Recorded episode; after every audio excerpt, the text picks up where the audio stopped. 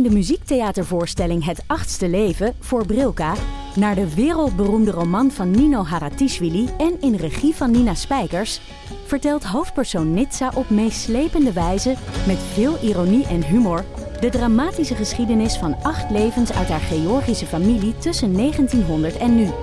Een hartverscheurend en tegelijk troostrijk drama verteld vanuit het perspectief van vrouwen uit verschillende generaties. Waarbij het publiek meegenomen wordt op een emotionele, visuele en muzikale reis door de 20ste eeuw.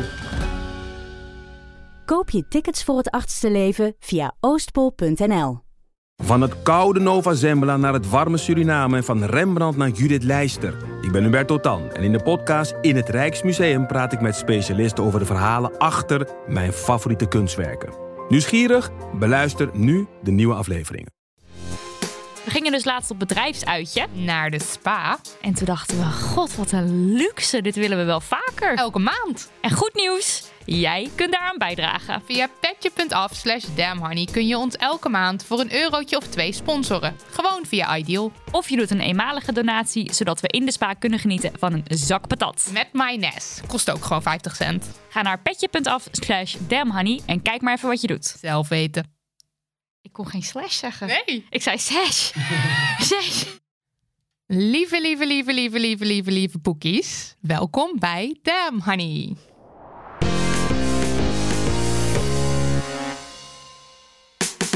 De podcast over shit waar je als vrouw van deze tijd mee moet dealen. Mijn naam is Marilotte. En ik ben Nidia. En welkom bij aflevering 35. Zeg Marilot, heb jij eigenlijk iets met sport? Weinig. Ik heb in januari elke dag hard gelopen en ik vond het niet leuk. Wel knap, goed gedaan. En ik heb heel goed nieuws voor je, want ehm, na deze aflevering hou je van sport. Dat kan niet anders, We want we gaan het er uitgebreid over hebben met twee hele bijzondere leuke mensen. Eh, de eerste die ik aan jullie voor mag stellen is voormalig Nederlands jeugdkampioen kickboksen. Tegenwoordig is het trainer voor jongeren met specifieke aandacht voor meiden voor wie sport niet vanzelfsprekend is. En tijdens haar trainingen gebruikt ze sport als middel voor ontwikkeling en versterking van de identiteit. Het is Huda Lukili. Welkom. Applaus. de menigte is going wild. Ja.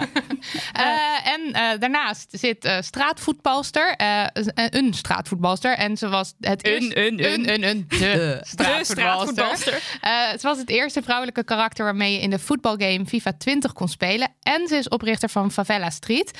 Haar stichting waarmee ze een nieuwe generatie rolmodellen opleidt in achterstandswijken over de hele wereld door de kracht van straatvoetbal te benutten. Het is Rocky Heagaya. Dank u. Welkom. Ja, en bovendien, dat hebben we niet eens in, het, in, de, in de intro geschreven, maar eh, eh, winnaar van de Jokers met Oh ja, je was als een grote, grote concurrent.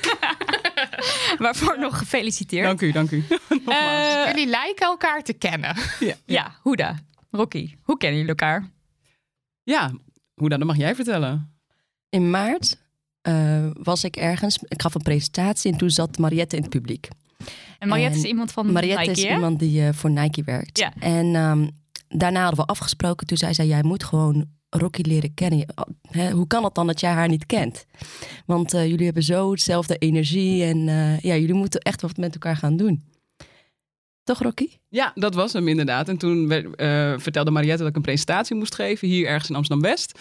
En toen kwam jij langs en toen zei hij, wij moeten praten met elkaar. En ik krijg dat wel vaker. Dan denk ik, oh ja, oké, eh, zal Altijd wel. maar al die mensen die met jou moeten praten. Ja, altijd. wel. Nee, maar ik bedoel, dat, dat krijg je zo af en toe na Ja. een presentatie. Maar ik, ik had wel zoiets van, hey, dit is, het zat goed. Ik was heel erg op zoek naar assistentie binnen de projecten die ik doe. Mhm. Hier in Amsterdam in het bijzonder. En toen zijn wij gewoon gaan samenwerken. Hier op het Mundus College in Amsterdam-West werken we met statushouders. En eh, dat is ook weer een project wat we via Nike Community Impact Fund eh, doen. En dat klikte supergoed. En eh, je gaat zelfs misschien wel mee naar Soudaan. Maar Oh, eh, weet, ja, dus zo kennen we elkaar. Ja, en ik ben super blij met Huda, want eh, ik, ik ja, doe veel eh, alleen binnen de stichting. En eh, ja, door Huda erbij, eh, ja, het is gewoon heel fijn. Het is, het, het, het, het, eh, ze doet heel veel werk voor me, maar ook zij is ook een, een ander soort rolmodel, een rolmodel wat ik niet kan invullen voor, eh, voor, Ja. de, voor de jongeren, zeg maar. Ja. Dus dat. Ik moest me wel eerst bewijzen hoor. Dus Ja, absoluut. Ja, ik kan niet zomaar met hem komen spelen. nee, Ja. ze, zei, ze zei, kom maar eerst even meedoen. En als het dan, eh, weet je, als het goed is, dan... eh maar het is mee goed. in. Dus, eh, Heel ontgroeningsritueel. Oké, zometeen meer over uh, sport, over kickboksen, over voetbal, uh, over favela streets. Maar eerst, Marilotte, wat is het minst feministische wat je afgelopen tijd gedaan en of gedacht hebt? Nou, um, mijn minst feministische is dat ik verslaafd ben aan TikTok geraakt. Huh, maar wat is daar niet uitleggen. feministisch aan? nou, ik, was, ik heb een tijdje geleden TikTok gedownload, want ik hoorde iedereen erover. En ik ben ook in dat zwarte gat van uh, leuke filmpjes en zo gezogen. En ik kan helemaal uh, verslaafd aan zijn. En ik zei dus tegen Nidia vooral. Uh, ik vind het zo leuk, want het, is, het, lijkt, het lijkt zo divers. Ik zie de hele tijd lesbische meisjes en ik zie mensen met een beperking. En er gaan uh, verhalen, mensen vertellen verhalen over uh, hun Gilles de La Tourette of over hun notenallergie. Het ging echt alle kanten op. En ik vond het dus echt heel divers. Ik was heel enthousiast over dat platform. Maar toen hoorde ik dus afgelopen week de podcast van NRC Vandaag. En ik las dus een artikel. En TikTok blijkt dus echt een kutplatform te zijn. Um, ze hebben blijkbaar lange tijd beleid gehad um, dat alles wat niet paste bij het idee van. Um, even kijken hoor, wat is hun missie? Hun missie is to bring joy. En alles wat niet in uh, die missie past. Waaronder in hun ogen. In hun ogen wordt verwijderd. En dat is dus bijvoorbeeld ook allerlei uitingen van homoseksualiteit, mensen met een beperking. Um, uh, het wordt dus uh, overal waar mensen een politieke boodschap hebben in hun filmpjes, wordt verwijderd. Dus alles wat zeg maar uh, niet binnen dat, dat mooie plaatje past wat zij hebben van de wereld, wordt weggehaald. Dus het is eigenlijk echt heel erg kut. En wat er ook nog is, is dat dit platform heel erg uh, specifiek geen beleid heeft voor kinderlokkers. En er zitten super veel kinderen op TikTok, echt heel ja. veel. Um, populairste doelgroep is volgens mij tussen de 10 en 12. Ja. En um, daar, er zijn dus hele um, groepen van oudere mannen die dus elkaar wijzen op oh, eng waar, uh, welke meisjes waar wat voor filmpjes maken. En dan zetten ze dus ook dingen onder. Daar wordt dus niks aan gedaan. Er is geen actief beleid van TikTok. Maar er is wel actief dit. beleid om mensen met ja. een beperking uh, Dus het is gewoon te... echt heel erg kut. En ja. ik heb bijvoorbeeld op Instagram natuurlijk ook genoeg aan te merken. Want er worden echt wel... Uh, dat algoritme dat verwijdert ook bepaalde plaatjes waarvan je denkt is dit oké? Okay? Weet je wel, dikke mensen, mensen met een beperking, daar worden plaatjes van weggehaald. Um, daar heb ik genoeg op aan te merken. Maar dit is, vind ik, nog echt een tandje erger. Mm. En ja, mijn minst feministisch is dus dat ik TikTok nog niet verwijderd heb. Oh, nee, dat gaan we nu doen. ja, ja, dat moet ik wel doen. Ik denk dat ik dat zo ook ga doen. Maar uh, ja, dus dat vind ik eigenlijk een beetje teleurstellend van mezelf. Dat ik ja. dat dus nog niet gedaan heb. Mm. Ja, ja, grappig. Ik heb dat ook met TikTok. Dan zeggen mensen van ja, je moet, je moet daar op, want je, doet, je hebt hele leuke content. Maar ik ben gewoon een soort van. Ik, ik heb al dat ik het eigenlijk vervelend vind dat ik zoveel op Instagram zit. Mm. En dat ik echt denk van ja, ik ga echt niet aan nog zo'n. Ja, nog uh, zo'n platform. Ja, nee. Geen nou, zin. laat dit dan ook een ja, reden zijn om zeker, het dus niet ja. te doen. Ja. Nidia. Ja, ik heb er eentje namens ons samen. Want uh, er werd ons uh, vanuit Demoney gevraagd iets heel erg leuks te hosten. Een evenement. En de locatie was ook al helemaal bepaald. En dat is allemaal cool. En ik ga er zo meteen op het eind van de aflevering meer over vertellen. Dus stay tuned. Maar wat er niet feministisch was, was dat wij toen eigenlijk alles al geregeld was, opeens dachten: fuck, we hebben helemaal niet gedacht of de ruimte wel rolstoel toegankelijk is. En onze vaste luisteraars die weten dat dit al eerder een situatie is geweest bij onze boekpresentatie. En hoezo hebben we daar dan niks van geleerd? Ja, we hebben toen ook nog in de podcast plechtig beloofd. Om ja. dat dus daar dus voortaan rekening mee ja. te houden. En toen gebeurde het dus weer. En uh, om het een klein beetje goed te draaien, is dat we toen meteen contact hebben opgenomen met bedrijven. En die waren super eager om te helpen. Dus nu hebben we, ze hebben een compleet nieuwe locatie geregeld die wel volledig rolstoel toegankelijk is. Maar dat het dus weer niet. Dat het niet de, een van de eerste vragen is die je stelt van oké, okay, super tof, maar um, kan iedereen erbij zijn? Nou ja, ja. Dat is gewoon weer heel stom van ons. Ja, jammer hè? Maar goed, ja. we leren het. Ja, maar je bent snel gecorrigeerd. Dus dat ja, is al, ja. ja, En, en dus heel, ook echt heel prettig dat dan zo'n bedrijf um, uh, gelijk heel erg meedenkt. Uh, nou ja, oké. Okay. Uh, wie van jullie twee wil beginnen met het minst feministische? Hoe dan? Ja, jullie hebben echt uh, zulke uitgebreide... Ja, dat normaal niet hoor. Nee, niet altijd. Ik, um, bij mij was het eigenlijk heel praktisch. We hebben afgelopen woensdag hebben we echt een super toffe um, sportactiviteit gehad uh, bij de campus uh, voor uh, de Favela Street Connect programma. En in, tijdens die les zitten zowel jongens als meiden. En um, dus eerst, ik kom binnen en ik zeg: Oké, okay, jongens, allemaal bij elkaar. En dan dacht ik: nee, die kan toch niet. Dus of ik ga gewoon zeggen, voortaan allemaal bij elkaar. Ja. Of jongens en meisjes bij elkaar. Maar ja, het zit er zo Mensen. in, omdat je, of mensen Ja. komt bij elkaar. Maar het zit er zo in om, eh, ja, om het zo te richten op de jongens. Omdat, het- omdat je eigenlijk ook zo bent opgeleid. Weet je, Alles, ja, je zegt altijd eigenlijk alles wel in een mannelijke vorm. Ja. En daar probeer ik me wel steeds meer eh, bewust van te zijn. Ja. Ja, Ja, want als je de groep meisjes gaat noemen, dan, dan, dan komen de jongens sowieso in opstand. inderdaad. Dat is dus nu moet ik voor niet is. Ja. Daarom moet ik nu voor de meiden opkomen. En, eh, Nice. en eh, ja, Ja. daar gewoon wat bewuster van zijn. Wat Rocky. een goeie. Ja, super goeie. Ehm, want daar sta ik niet eens bij stil. Nu dus wel. Ook in het Engels, hè? ook bij feministische Guys. evenementen. En als iedereen zegt, hi guys. En als iedereen, tenminste dan denk ik altijd, ja oké. Het valt me altijd Het op. valt me nu extra Ja. op, doordat we hier Ja. al zo lang mee bezig Moet je er zijn. gewoon bewuster mee. Ja. Sowieso toen ik jullie podcast ging luisteren, dacht ik ook echt... Oh ja, daar kan je over nadenken, ja. Dus dat, ja. Het is iets kleins, maar het is toch iets. Ja, het is zeker iets. Nee, ik, ehm, ik merk bijvoorbeeld, om, geef zo regelmatig presentaties eh, en ehm, daar zit een stukje film in van mezelf. En eh, dat is een film waarin je ziet eh, wat ik allemaal met een bal kan. En zo ongeveer een jaar geleden, toen, als ik dan bij dat stuk kwam, zei ik altijd van ja, er komt nu een soort van eh, ja, een filmpje van mezelf. Ja, het is een beetje een ego-trip, maar ehm, nou, ik ga gewoon even laten zien. Nou, nou, wat ik met een bal kan, maar oké, kijk maar. En dan kwam dat filmpje. En dan, eh, toen is er dus een keer iemand naar me toegekomen aan het einde van de presentatie. En die zei dus, je moet gewoon zeggen dat je vet goed bent. En dan hier, hier is het filmpje. Kijk maar even hoe goed ik ben. Ja. En dat ben ik gaan doen. En het is heel grappig wat het eh, effect daarop is. Want mensen moeten lachen op het moment dat je het zegt. Maar wel een soort van, oh wat tof dat ze dat over zichzelf durft te zeggen. En dan komt er dus ook een knallend filmpje. En het is wel grappig. Als ik echt bijvoorbeeld op Internationale Vrouwendag... of echt een soort van vrouwenbijeenkomst ben... dan vertel ik ook even wat ik eerst deed. En wat ik dus nu doe. Omdat we vrouwen heel erg geneigd zijn om onszelf kleiner te maken. En eh, ik vind het heel grappig om dan gewoon zo lekker te gaan staan. En nu ga ik even laten zien hoe goed ik ben. En dan moeten mensen... Ja. Dus dat is grappig hoe dat vroeger... eh, vroeger, nog niet zo lang geleden was. En dus nu zo van own up to your success. En Vet. ja, ga Super ervoor tof. staan. Ja, Ja. nice. Goed om te horen. Post. Post. Eh, ik draag voor uit dit poststuk van Eefje. Dag dames. Naar aanleiding van jullie laatste aflevering over de menstruatiecyclus heb ik een vraag over anticonceptie. Zelf heb ik een tijdje hormonale anticonceptie geslikt en op een gegeven moment ben ik overgestapt naar de Mirena-spiraal. Die spiraal moest er op een gegeven moment uit, om een reden die ik niet meer weet. Toen heb ik een tijdje geen anticonceptie gehad. Vervolgens kreeg ik een vriend en ging toen weer aan de pil.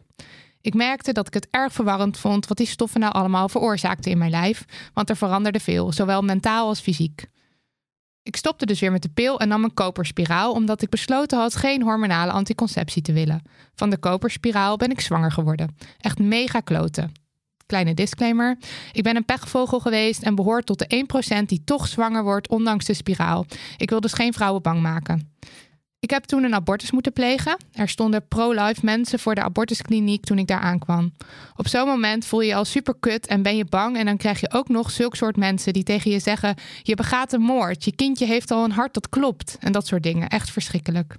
Ik heb lang mentaal last van de abortus gehad. In de vorm van paniekaanvallen bij het zien van baby's of zwangere vrouwen. En het idee dat er een soort zwart gat in mijn lijf zat. Ik ben non-binair, wat een extra lading heeft gelegd op deze hele ervaring, aangezien ik mezelf dus niet als vrouw identificeer, maar vol in mijn face geconfronteerd werd dat ik een vrouwenlichaam heb. Nu gaat het ondertussen weer oké, maar heb ik nog steeds geen alternatieve anticonceptie. De koperspiraal vertrouw ik niet meer, maar ik wil ook geen hormonale anticonceptie en wil niet de rest van mijn leven met een condoom seks hebben. Mijn huisarts kan mij niet verder helpen. Ik ben benieuwd of jullie advies hebben of mensen kennen die hier iets wijs over kunnen zeggen. Ik zal niet de enige zijn, toch? Liefs. PS. Anders word ik gewoon gay. I don't need a king to be a queen, you know. Nou, je hebt je eigen vraag al beantwoord. Kan van harte aanraden. ik ook. Wat waren jullie thirst thoughts rondom Ehm, deze brief? Als ik dit zo hoor, zou ik zeggen van eh, misschien is het goed om met een andere huisarts te praten. Iemand die haar wel hoort. Ja. En ehm, ik geloof er ook in dat er nu bij eh, mensen echt een beweging in gang komt. Dat we heel kritisch zijn naar eh, wat we in ons lichaam stoppen. En daar Mhm. hoort, ja, denk ik, hormonen ook bij. Hè? Want ehm, blijkbaar doet dat heel veel met een menselijk lichaam. En hoe, hoe kunnen we zorgen voor een ander alternatief? Dus ik Ja. denk dat, ehm, ja, dat het goed is om eh, hier verder over te praten. En, eh, en hopelijk kunnen we met z'n allen wel eh, tot een andere oplossing komen. Ja, of in ieder geval een beweging in gang zetten. Er zodat- zullen heel veel mensen zijn die denken: ik wil ook geen eh, hormonale anticonceptie. eh, Maar voor- wat? Voordat, we, voordat mensen denken dat wij anti-hormonale conceptie zijn, dat is dus niet zo. Ehm, nou ja, nu Nee, hebben nee, nee. Nidia en ik Ja. hebben toevallig een, allebei een slechte ervaring gehad met hormonale anticonceptie. Maar eh, ik, iedereen maakt de keuze voor zichzelf. Ja, dus het mag duidelijk Ja. zijn dat we er niet zitten te pleiten van stop met de pil of whatever. Nee, maar op het moment maakt- dat je ermee wil stoppen, is het heel lastig. Want er is weinig. Eh, Iedereen maakt zijn eigen keus daarin. Ja. En eh, voor de een, ja, misschien, het kan ook zo zijn dat bepaalde mensen helemaal geen last hebben van nee, eh, hormonen. En die Nou, hartstikke blij zijn met en, hun spiraal. anderen wel. ja. En dan is het goed om te kijken van eh, wat voor eh, oplossingen zijn er nog meer. In ieder geval om erover te praten, om te kijken wat, er, wat voor andere mogelijkheden er zijn. Ja, en ook die angst aanpakken, denk ik. Want eh, wij zaten, Marilotte en ik zaten ook een beetje na te denken van... ja, wat kan je nou doen? En eh, ik wil dan heel eh, pleidooi voor het condoom gaan afsteken. Dat ga ik zo meteen denk ik ook nog even doen. Maar toen dachten wij van, eigenlijk zit het probleem in die... eh, angst. Angst. in die angst. En het is heel logisch dat je die angst hebt als je deze ervaring hebt. Eh, in combinatie met die eh, genderdysforie die ook nog bij, erbij komt kijken bij Eefje. Waar, waar, wij niet eens, waar wij niet eens kunnen, van kunnen Nee. bevatten hoe dat zou moeten Ik kan zijn. me niet voorstellen hoe je je dan voelt. Maar Nee. ehm, ja, die angst, die, die, eh, die zou je eigenlijk aan moeten pakken. En misschien het ook tijd geven. Dat, het, dat nu Ja, die ik, angst ik is, zou is heel logisch, met eh, denk ik. iemand er al, eh, echt de professioneel mee gaan, oh, ja, over gaan praten. Ja. Absoluut. Ja, Ja, en, en ik denk ook dat, ehm, kijk, op het moment dat je die angst hebt en je bent er nog niet overheen en je moet daar misschien mee gaan dealen. Ik kan me wel voorstellen dat je in de tussentijd dus wel gewoon seks wilt. Mhm. Eh, en dan moet je, kijk, stel nou, je laat toch weer een koperspiraal zetten en dan in en je houdt een en je beetje vindt het heel eng. ja, je vindt het heel eng. Dan kan ik me voorstellen dat je bijvoorbeeld ook condooms gebruikt dan. Om als een soort van extra safety. Eerste opstapje. Ja. En ik wil niet zeggen, want uiteindelijk denk ik wel...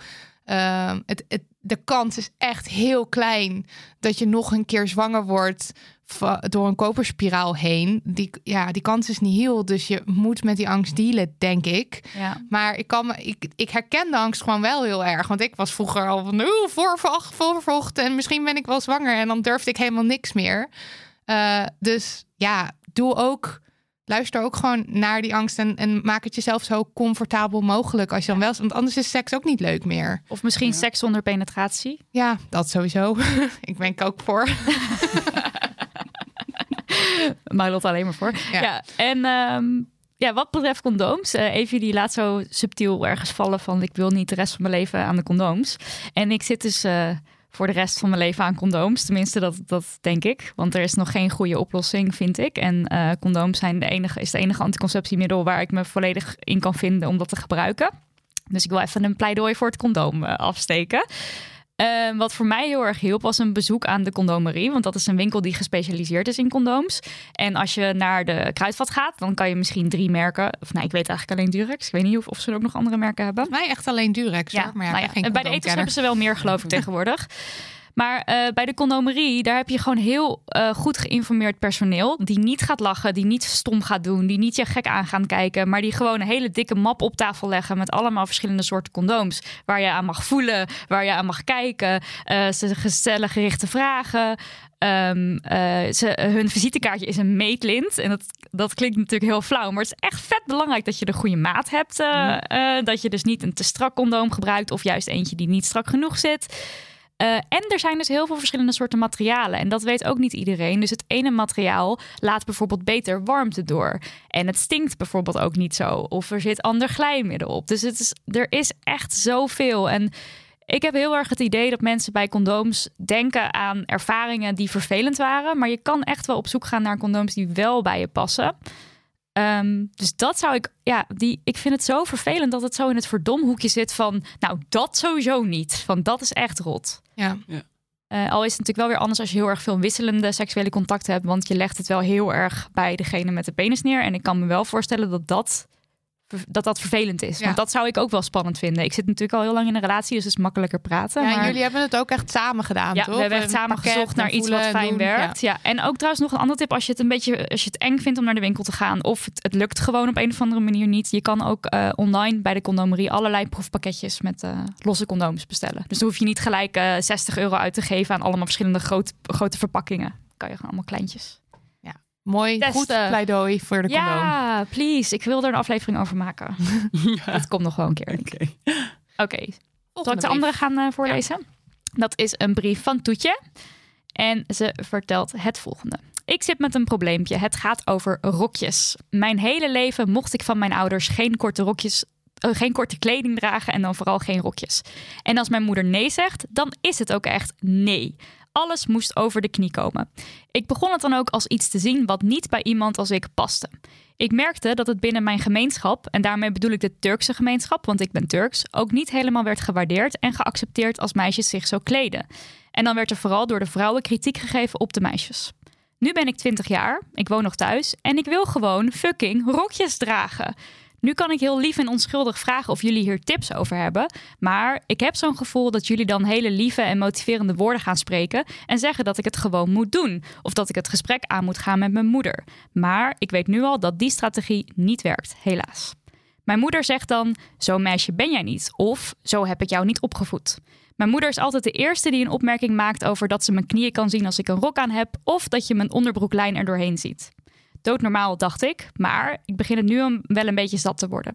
Eigenlijk wilde ik bij jullie wilde feministen gewoon even mijn hart luchten. Want in de familie is eigenlijk iedereen het met mijn moeder eens. Ook mijn zussen. Kennen jullie toevallig Turkse of Marokkaanse meiden die net als ik conservatief zijn opgevoed, die hiermee te maken hebben? Zo niet? Ook prima. Ik wilde gewoon mijn verhaal kwijt en ik wilde gehoord worden. Heel lang bericht, maar nu ben ik wel klaar, zegt ze nog.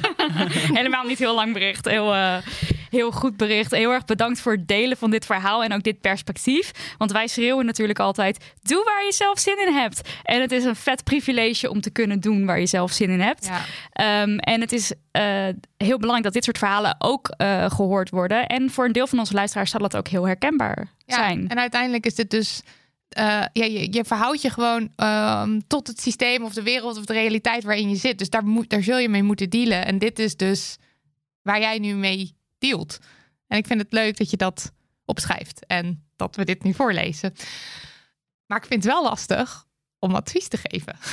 Ja, ik vraag me af dan, ehm, ja, staat het rokje niet symbool voor iets anders? Mhm. Weet je, welke pijn eh, ervaart ze nog meer? Weet je, wel, waar zit het hem nou precies? En als ik haar verhaal hoor, ehm, vraagt ze eigenlijk niks aan ons, want ze weet zelf wel. eh, en dat moeten we misschien ook wel respecteren. Ja, En, ehm, en ik geloof er ook in dat eh, iedereen zijn eigen persoonlijke ontwikkeling eh, zelf moet doormaken. Ja, meer eh, heb ik er eigenlijk niet aan toe te voegen. ja, dus wat je eigenlijk zegt is van ja, dat rokje, dat is, dat is leuk dat ze erover mailt. Maar is, er zal ongetwijfeld gaat meer frustratie of, of, of, Ja, of ja. En ik geloof er ook in wanneer iets niet mag of niet. eh, ehm, ja, wat iemand liever niet heeft. Hè, dus Mhm. dat iets wordt opgelegd. Dat je daar ook extra nieuwsgierig naar bent.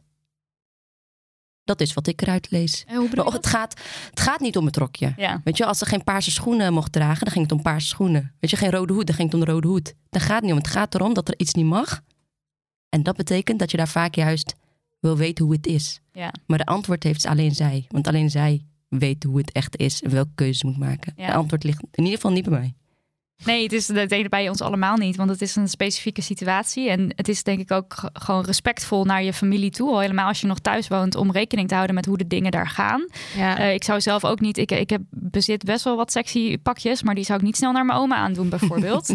Eh, want want dat, he- dat heeft ook te maken met respect. Maar het is natuurlijk wel. Het kan een heel frustrerend gevoel zijn op het moment dat je denkt: dit is wat ik wil en ik, ik, ik mag dat niet of ik kan dat Ja. niet Ja, doen in, de, in, absoluut. in deze wereld. Ja, ik kan me wel voorstellen dat het helpt om een beetje op de langere termijn te denken. Want eh, thuis woon je ook niet altijd. Je bent nu nog, eh, je bent nu 20, je woont nu thuis, maar misschien woon je over een paar jaar op jezelf. Eh, en ik kan me voorstellen dat je dan eh, keuzes maakt eh, en, en dan bijvoorbeeld wel rokjes draagt als je eh, ja, je eigen leven leidt en dan niet die aantrekt als je bij je familie op bezoek gaat. Jullie zijn echt lief.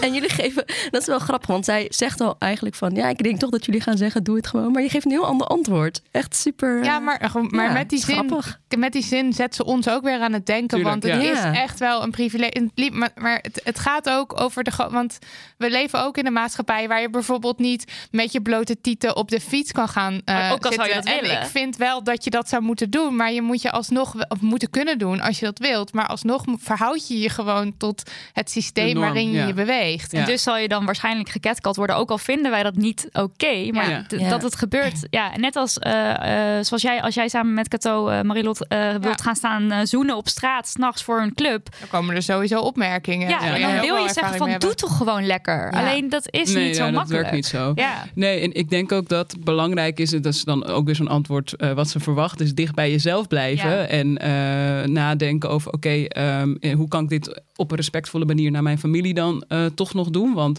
ja, dat is toch iets wat ook belangrijk is eh, in die cultuur. En ehm, kijk, als we dan bijvoorbeeld kijken naar, eh, ik ben dan in november in Soudaan geweest en daar was een wet, die is pas geleden dus ook afgeschaft in november toevallig toen ik daar was, dat je als vrouw niet met een broek over straat mocht. Dat zou voor mij een hel zijn, want ik hou helemaal niet van rokjes. Ik moet huilen als ik rokje aan moet, maar oké, dat terzijde.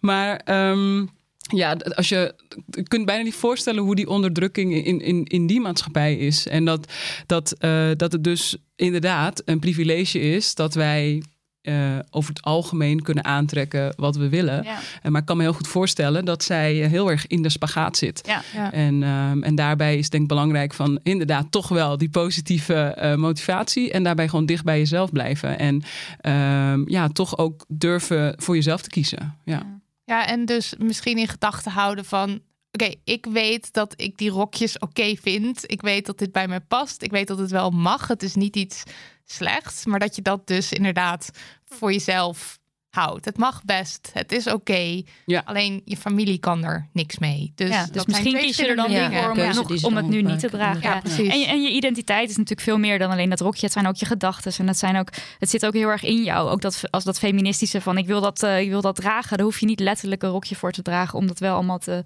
te voelen en te, nou ja, Ja, uit te wat dragen. mooi verwoord, absoluut. Eh, wat ik trouwens nog, Oh, wat misschien ja? nog leuk is, is ehm, want Fatma in onze kerstaflevering, eh, die heeft, we hebben in de kerstaflevering allerlei problemen en dingen waar je tegenaan loopt tijdens de kerst besproken. En ehm, die zijn redelijk vergelijkbaar natuurlijk. Dat je die familie wil iets of, of iets Ja. van je en, en jij bent het daar niet mee eens of wilt het daar niet over hebben. En zij heeft op een gegeven moment is zij echt gaan zitten met haar ouders en gezegd: dit ben ik en ik ga niet meer luisteren naar dit en dit. Misschien is het leuk om de kerstaflevering terug te luisteren. Ja, zij zei van Want- ik ga niet langer doen wat andere mensen van mij willen. Ik kies voor mezelf. Ja. En dat is wel heel moeilijk, maar daar vertelt zij over. Dus misschien Ja. kan je terugluisteren. Goeie. Want dat kan je misschien wat brengen. We zullen wel eventjes de, de tijd ook in de show notes. zetten. Ja.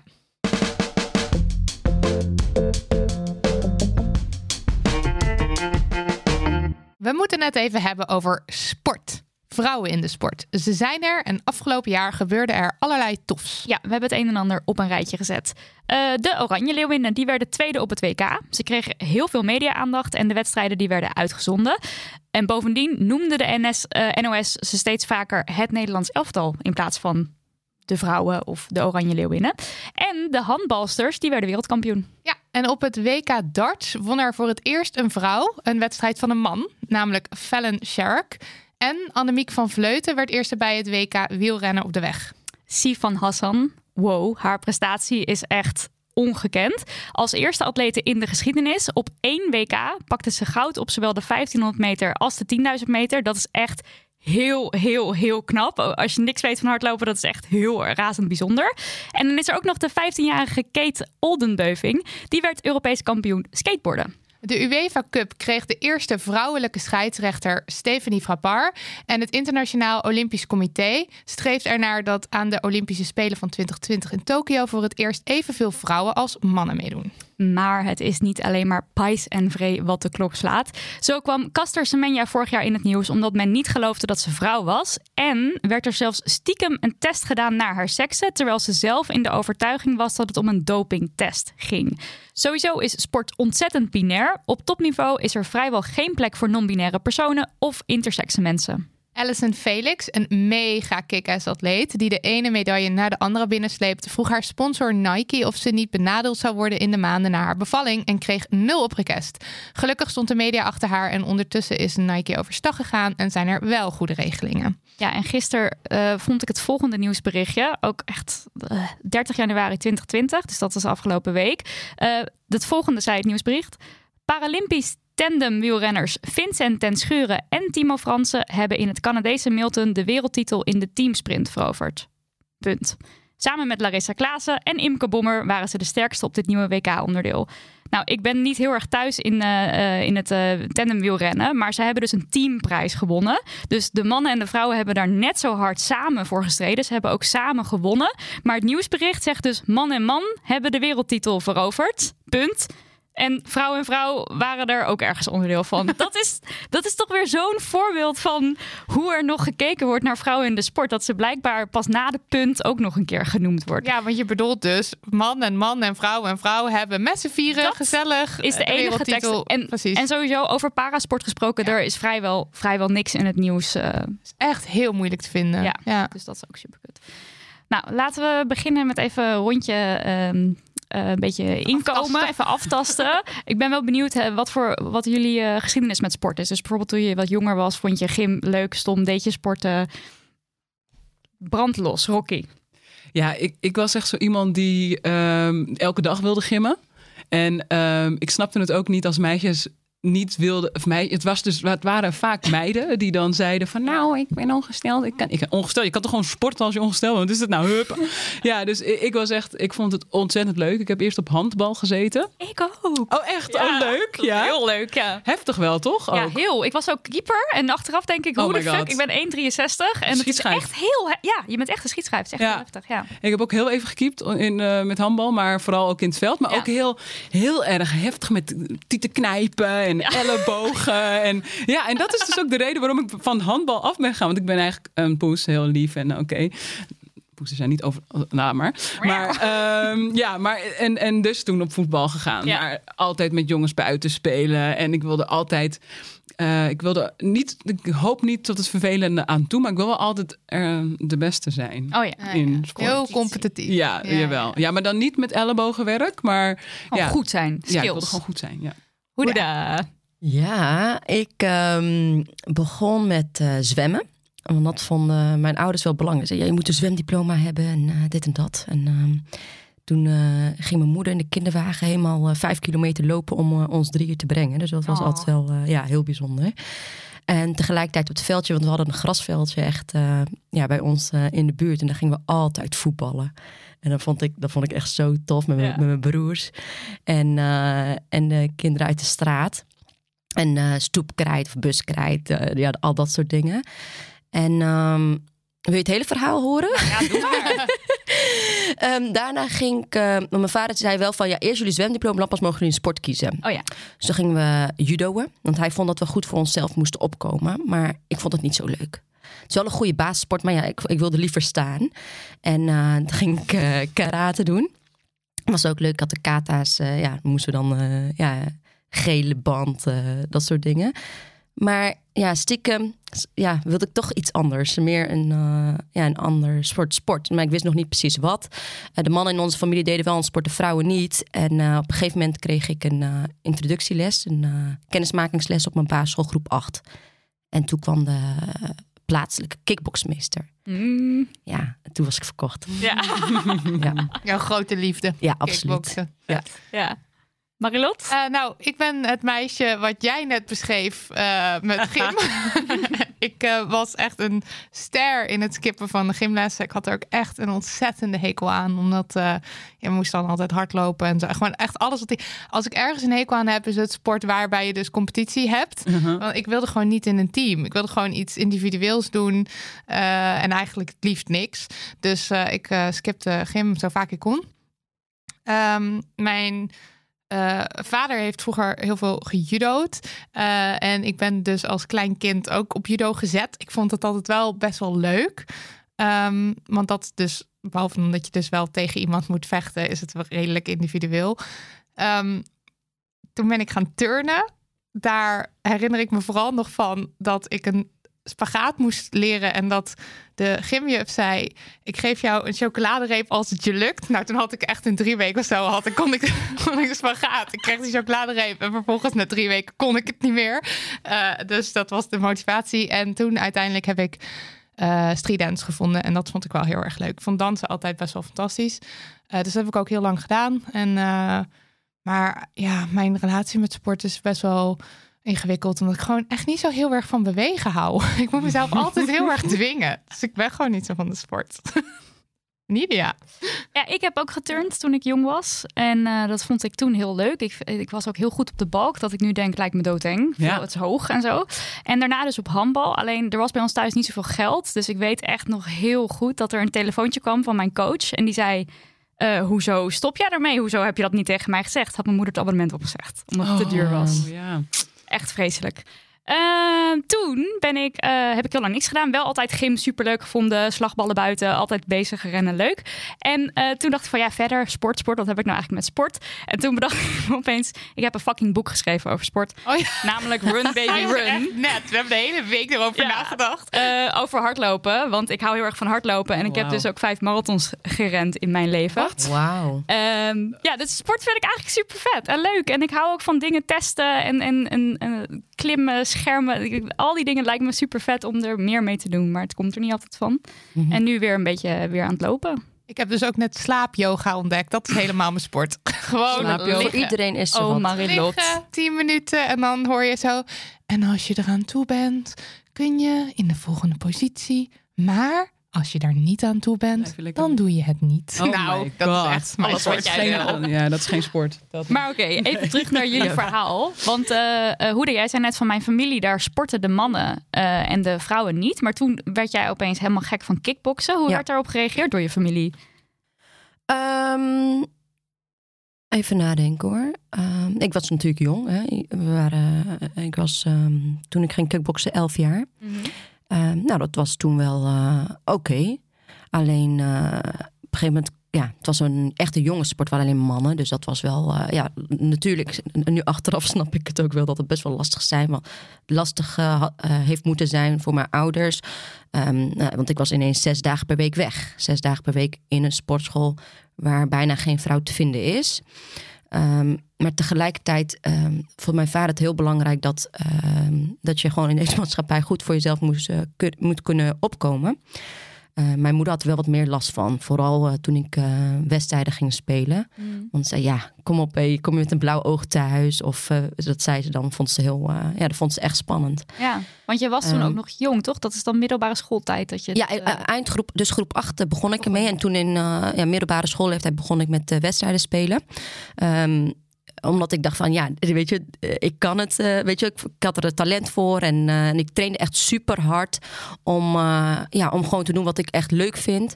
Um, dus in het begin was dat wel lastig. Maar op een gegeven moment zag je. Um, dat ze zagen dat ik van opbloeide. Ze zagen wat het met mij deed. Uh, ze zagen ehm, hoe, sterker, hoe sterk ik ervan werd. En uh, ja, toen, uh, ja, mijn moeder is wel trots. Ja, ja absoluut. Tuurlijk. Ja, tuurlijk. Ja. Begin, ik snap het helemaal, weet je wel. Ze vond het echt lastig met die jongens.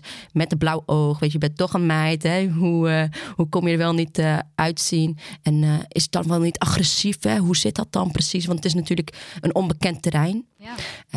Um, en we hebben het over bijna tien jaar geleden, toch? Want ja, ik ben al middels gestopt dus al. Ja, hè? Toen dus stopte ik. Ja, moet je nagaan. Twintig jaar geleden, klopt. Ik ben uh, dertig inmiddels en uh, ja, dat waren, ja, dat waren bijzondere tijden. Dus je hebt verschillende reacties krijgen van familie. Eerst in het begin van oké. Okay. En daarna, ja, daarna kreeg je wel uh, goede reactie, reacties. Ook omdat, dat is wel grappig om te zeggen, ook omdat mijn familie weer uh, goede reacties kreeg van andere mensen. Van, oh kijk, de dochter van, hey, die doet dat kickboksen. Weet je wel, dan waren, je had toen niet echt YouTube of zo. Je had alleen maar van die films die dan op een dvd kon. Uh, dacht, nee, dat is echt grappig. Ging een dvd'tje door de familie heen. ja, nee, ja, ja, ja, dat is echt zo. Dat is echt zo. Ik had neefjes in een wijk in Utrecht en um, ik was, in, ik was bij een gala, kickboxgala in Den Bosch.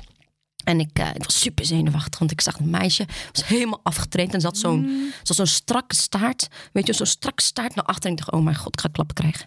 en, toen, en, toen, en toen kwam ik die ring binnen en ik dacht, oké, okay, weet je, ik heb zo hard getraind, ik ga gewoon, ik ben een, uh, zeg maar een vechter die een vooruit vecht. Dus ik, ik ben niet van uh, achteruit, ik ben echt de aanvaller. En uh, ik zeg ook altijd, de beste verdediging is een goede aanval. Dus er was volgens mij, eerste ronde was het al klaar. En toen was er een jongen uit de, wijk, uit de wijk waar mijn neven vandaan komen. Hè. Dus ik kom uit een dorp, maar die kwam echt uit de stad Utrecht. En die jongen had gefilmd met zijn videocamera. En later kwam de DVD dus bij al die jongens in Utrecht. En ze wow, het is gewoon mijn nicht, weet je wel. Die, Helemaal weet je, die kick, ja, toch? Maar jij Dus zegt, zo, na de eerste eh, ronde was het al klaar. Als in, jij technisch had daar KO. gewoon uitgeschakeld. Ja, technisch KO. Ja. Oh. Dat, wel, ja, ik- dat ik wel vaak gedaan. Maar dat was, weet je, het is gewoon een, ehm, het is zo bijzonder. Het is, kijk, ik praat en ik ga helemaal opbloeien. Ja, ik ga bijna alle bewegingen meedoen. Maar het is, eh, het is gewoon een spel. Daar heb ik er vier zoenen gegeven. Weet je, we hebben elkaar, we hebben elkaar gehukt, weet je wel, knuffel. En eh, ja, het is gewoon, een- het is een hele leuke sport waar je, ja, waar je echt tot, eh, ja, zover, je kan meer dan je denkt. Dat Ja. is elke keer ga je een bepaalde grens overheen. Je denkt van, oh, ik kan dit niet. Nee, ik kan het wel. En eh, ja, zodoende. Gewoon door, door, door. Yes. Ja. En Rocky, bij jou, wat, had jij eh, vanuit je familie, vonden ze, het, vonden ze het maar gek dat jij zo met voetballen bezig was? Of was het... Nee, dat werd echt helemaal gesupport. Dus, Oh, mijn, eh, ja, dus mijn vader die zat op voetbal en mijn broer zat dan op voetbal. Mijn moeder zat op handbal, ik zat op handbal. Echt een sportfamilie ook. Ja, dus, ja, ja. Bij mij sportte er dus echt niemand. En toen ik ging voetballen was mijn moeder van dat is niet voor meisjes. En je schoenen worden vies, dus doe maar niet. Ja, nee, Ja. ja. dus, dus mijn ouders waren heel erg van dat steunen. Die gingen zelfs mee naar training. Of tot het misselijk. Weet je wel, dat je echt zo, papa. Mag ik nu ook gewoon alleen, Alleen. hier zijn? Weet je wel, zelfs toen ik 19, 20 en in Amsterdam voetbalde, ging hij nog steeds mee. En eh, Altijd trouw. altijd trouw. Elke wedstrijd waren ze er. En, Oh, eh, ja, dus- Hartverwarmend. ja, echt heel lief. En ehm, heel belangrijk ook eh, dat het thuis gesupport wordt. dat je mag sporten. Of in ieder geval dat ze ervoor openstaan. En ook wel eens af en toe langs de lijn staan om het kind te steunen, zeg maar. En ehm, ja, nee. Um, Op een gegeven moment eh, een paar keer meegaan aan schoolvoetbal. En ehm, ja, daar werd dan wel duidelijk... oh, oké, je kan wel echt goed voetballen. Want als je in je eigen buurtje aan het voetballen bent... en alle jongens de hele tijd verslaat... dan denk je gewoon, ja, oké, zal wel. Ehm, normaal. Ja, is normaal. Voor mij is dat dus normaal. Maar goed, Ja. nee. Maar, ehm, en toen vanuit het schoolvoetbal werd gezegd, dacht ik van, nou oké, ik wil eigenlijk wel op voetbal. Ik vind het veel leuker om tegen een bal aan te trappen dan ermee te gooien. En eh, ja, toen bleek dat ik daar wel aardig aanleg voor had. En ehm, ja, dat heeft toen, eh, ja, dat vond ik aller, allerleukste. Ik ging echt letterlijk met een bal naar bed. Zo leuk vond ik het. ja. Lief. ja. En toen op een gegeven moment heb jij een blessure gekregen. Ja. Want eh, we, hebben, we hebben net gezegd van je bent straatvoetballer. Maar het begon dus met ja, gewoon voetbal. Ja, veldvoetbal. Ja, veldvoetbal, ja. Ja. Ja, het grappige is, is dat straatvoetbal is in één keer iets van een begrip geworden. Dat is het natuurlijk. Het is een hele cultuur. Maar eh, ja, merken die pakten dat op. En dan eh, ging je in één keer allemaal clinics geven. En werden, had je Panna Knockout en Masters of the Game. Je had hele straatvoetbalgala's, zeg maar. En eh, gewoon in de Paradiso had je één tegen één met een grote kooi met DJ's erbij. En eh, dan speelde je mee, zeg maar. En dus dat Maar was het is een, echt een, een, een andere cultuur. Maar Ja. het, is, het is wel hetzelfde spel, toch? Eh, nou, het is ook wel een ander spel. regels? Ja, het is absoluut ook een ander spel, andere regels. Maar veldvoetbal, eigenlijk, ik weet niet of ik dat zo kan zeggen, maar eigenlijk alle straatvoetballers hadden allemaal wel een veldvoetbaldroom. Iedereen wilde wel profvoetballer worden. Eh, of je raakt geblesseerd, of er gebeurt wat anders. Want het straatvoetbal is ook echt best wel rauw. Zeker Ja. ook hier op je het Balboa-plein, hier in, eh, waar, waar jij in de buurt Ja, woont. Net helemaal verbouwd. Het is echt prachtig geworden. Ja. Het wordt echt elke avond vet van het Nou, zo'n berucht straatvoetbalpleintje. Ja. Ja. Dan- het ligt volgens mij ook een tegel met hier hebben die en die nog gespeeld. Of eh, Ja. nou ja. Ja, echt de legends binnen het straatvoetbal. Maar voor mij was veldvoetbal. Ik wilde profvoetbalster worden, Nederlands elftal spelen. Ik heb uiteindelijk tot Jong Oranje gered. En ehm, ja, en, en toen raakte ik geblesseerd. En toen was, eh, was het eh, klaar, al vrij snel. Op mijn 22e eigenlijk al. Ja, dat is al lang geleden. Ja, Echt ook wel jong, want dan, je kan als voetballer nog wel tot een jaar of dertig in ieder geval wel mee. ja zeker. Anders, ja. ja. Ja, en dat was alles voor mij. Dus mijn hele wereld stortte in. En er was een dokter of een orthopeed die zei eigenlijk tegen mij van je moet een andere hobby uitzoeken, want je hebt te veel kraakbeenletsel. En ik dacht alleen maar ja, andere hobby. Kan niet. Dit is geen Je hobby. goed. Ja, wat is dit nou? Leven, ja. ja. ik ontleen mijn complete identiteit aan het eh, voetbal. Ja. Dus nee, dat. Ja. Maar, maar even, want jij zegt straatvoetbal is best wel, best wel rauw en, en intens. Dat, dat Ja. klinkt dan, als je dan dus geblesseerd bent, klinkt dat helemaal niet als een verstandige Goede keus. ja, nee, nee, maar ik kon ook helemaal niet meer straatvoetballen. Maar eh, ja, ik kan niet zo goed luisteren. Dus dat, eh, daar heb ik dus nu ook eh, ja, wel problemen in mijn lichaam mee. Dus dat je, ik ben doorgaan voetballen Ja, ja. op straat. En eh, waarom het hard is, dat, ja, als je op de stenen valt of op het gras valt. Ja, dat is wel een verschil. En straatvoetbal gaat heel snel. En de, de bewegingen die je doet met je been en alles met zo'n bal is best wel ingewikkeld. Dus de kans dat je valt is heel groot. En uh, dus dat, dat, dat, kan heel hard zijn en heel fysiek. En zeker als enige vrouw tussen alle boys is dat wel heftig. Ja. ja. Net met kickboksen kan je raken klappen vangen. En dat is met straatvoetbal ook. ja. Want het was bij jullie allebei wel, in ieder geval toen dus nog, ik weet niet hoe dat nu is, maar dat jullie wel een uitzondering waren als vrouw. Want jij zegt net hoe van de, ik was eigenlijk met allemaal jongens op de club. Moest je dan ook tegen jongens uh, sparren? Ja, klopt. De, de, je had af en toe een vrouw uit uh, de grote stad, zeg maar, meedraaien. Hmm. Um, maar voor de rest, nu, als ik nu kijk, zijn er echt vrouwengroepen. Ook bij mijn uh, voormalige sportschool. Ja, dat is echt super vet. Ja. Uh, niet dat ze niet samen kunnen, maar ook juist omdat, net als jou, dat iedereen um, een eigen behoefte heeft. De, de, ene, de ene vrouw of mens wil uh, wedstrijden spelen. En de ander vindt het wel hartstikke leuk om een teamgevoel te hebben, om wel even bij te zijn. Maar die vindt het ook super leuk om over nagelak te praten. Ja. En er moet voor iedereen een plek zijn. En um, nou ja, dat is waarom ik ook de vrouwensport zo uh, stimuleer en de meidensport. En hadden jullie zelf rolmodellen? Want jullie zijn nu zelf, jullie zijn nu de rolmodellen, maar hadden jullie die ook al in jullie tijd, vrouwelijke rolmodellen? Of keek je meer op naar mannen? Ja, mannen. Ja, hè? ja en ja, Oprah Winfrey. Niet om de sport, maar oh, gewoon omdat ze goed was. Dus. Ja. ja, nee, ja, er waren gewoon niet echt letterlijk. Ik weet nog wel dat ik een jaar of 15, 16 was. En dat er in één keer bij de Legmeervogels, ik kom uit Uithoren. En bij de Legmeervogels uh, was er was er de bekerwedstrijd Muiden tegen wat Burgia vrouwen. En ik, ik dacht echt, ik zag vrouwen, dus van boven de twintig zeg maar, die echt goed konden voetballen. En ik dacht echt, hè? Ik dacht dat ik de enige was. Staat toch niet? Ja, hè, wat is dit? Weet je wel? En dat, ik speelde ook in eh, het onder 14 team. En dat was dan de Amsterdamse selectie. En dan kwam je in één keer allemaal meiden tegen die supergoed waren. Maar dat je wel echt eerst dacht van... Hè? dit is, dit is raar, ik ben toch de enige. En ja, dus ik had, ik had Ronaldo, Edgar Davids, dat soort gasten. Dat waren rolmodellen voor mij, ja. Ja, vooral, eh, ook grappig, ik kom dan eh, uit Houten. Ja, en daar was niet, dan kijk je toch wel naar de grote steden, weet je, wat is daar te vinden. En in Utrecht was de enige, was toen Charmaine. En in Amsterdam... Um, Queen Ilonka? Of niet? Ilonka ken ik, ja, klopt, klopt. Ilonka, weet je wel. Maar niet, um, het was niet iemand dat je denkt van, ik kan me uh, identificeren. Hè? Het is, Diegene lijkt op mij of zo. Ja. Maar, maar het is wel, wel, grappig, want jouw rolmodel zijn gewoon Bruce Lee en Jackie Chan. Ja, en zo. klopt.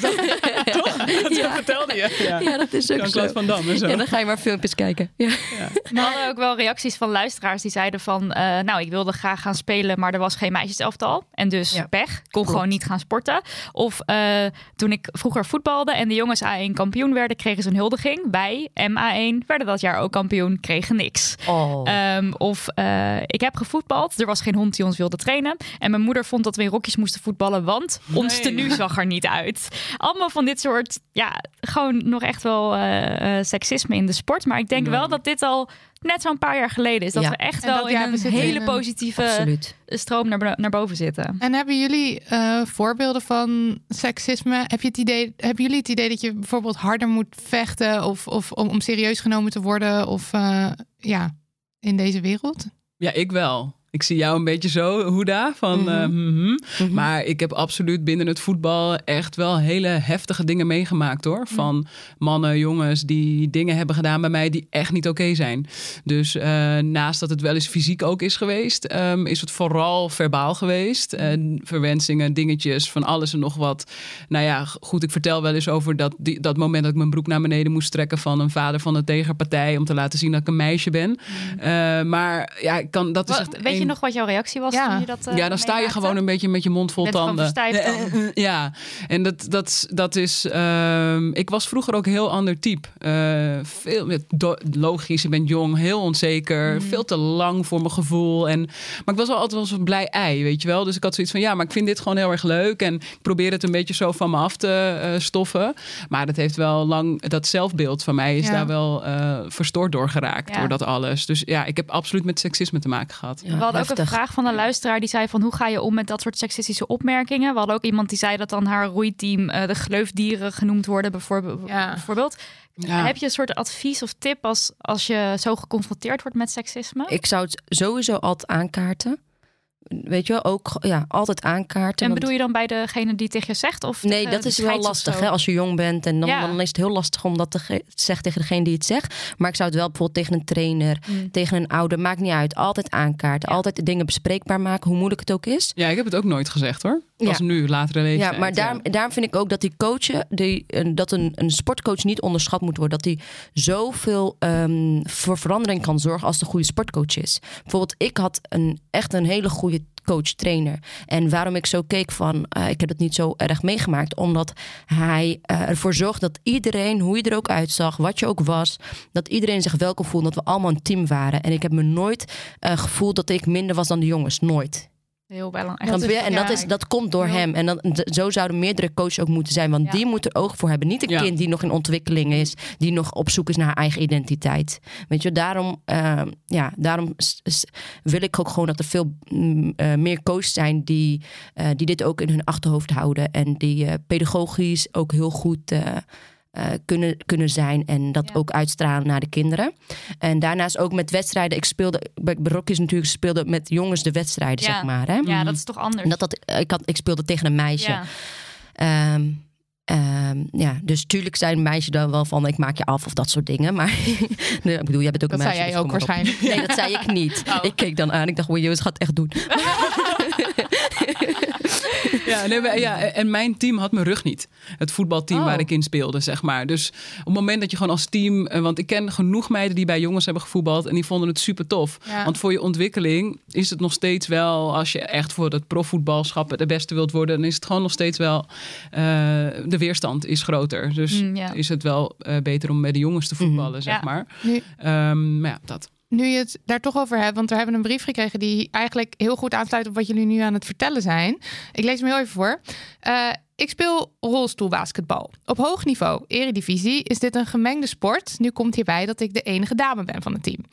Nu merk ik de laatste tijd steeds meer verschillen tussen mannen, vrouwen en alles ertussenin. Vooral in mijn sportcarrière. Het begon met kleine dingetjes. Continu mijn naam verkeerd zeggen, Laura in plaats van Lara. Of bijvoorbeeld geen tips of feedback accepteren. Zelf vind ik het heel frustrerend en heb ik, dus aange- heb ik dat dus aangekaart bij mijn coach. Hij zou het met de desbetreffende heren erover hebben.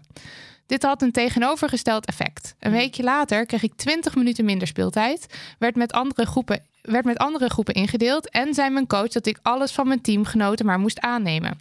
Dit moet voor mijn gevoel van twee kanten komen en dat had ik gemeld.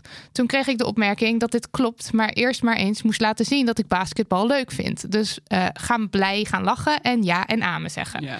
Dit is natuurlijk belachelijk, want een mannelijke teamgenoot die ongeveer dezelfde leeftijd heeft als ik, heeft nog nooit gehoord dat hij maar eens lief moest gaan lachen.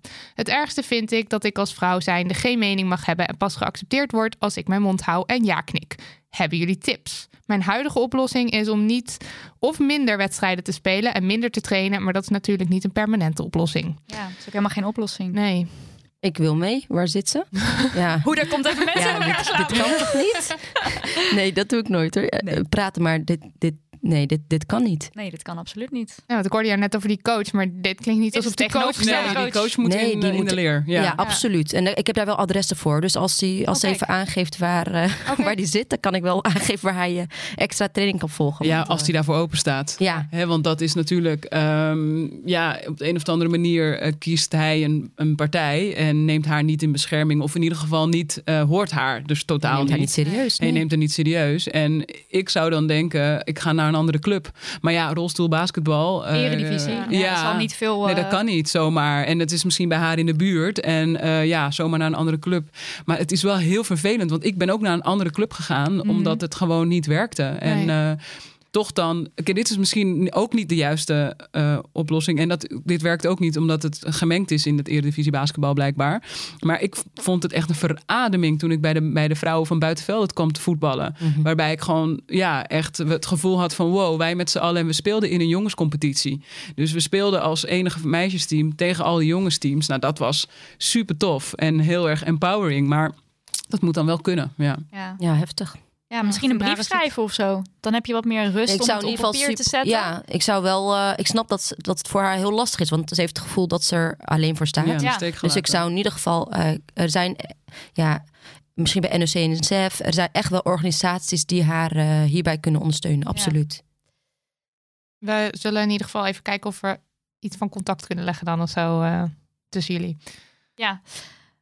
Uh, even wat anders, want Hoeda, jij draagt een hoofddoek. En heb, jij daar, heb je daar specifiek dan discriminatie over uh, meegemaakt of ervaren? Want je hebt zegt net van, nou, qua seksisme eigenlijk niet. Mm. Behalve natuurlijk dat vrouwelijke sportcoaches minder worden betaald dan mannelijke sportcoaches. Oh, ja. Maar dan is, Uh, dat, dat hallo, is gewoon belangrijk. steeds Gewoon statistisch. Dat is, eh, dat moeten we niet vergeten. Ehm, maar ehm, eh, sport zelf beleiden, ehm, ook zelf met wedstrijden. Op een gegeven moment, ik was eh, 14 jaar toen ik eh, het begon te dragen, omdat ik eh, voelde dat dit eh, bij mij paste.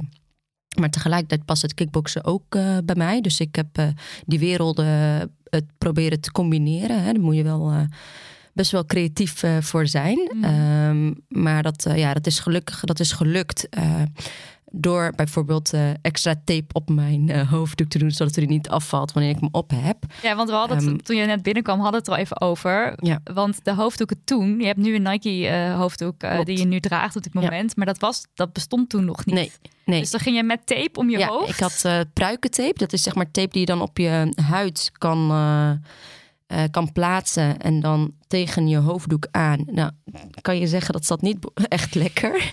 en, ehm, en daaromheen deed ik eh, ja, de tape wat je zeg maar om je voeten doet als je ja, last hebt of zo. Ja.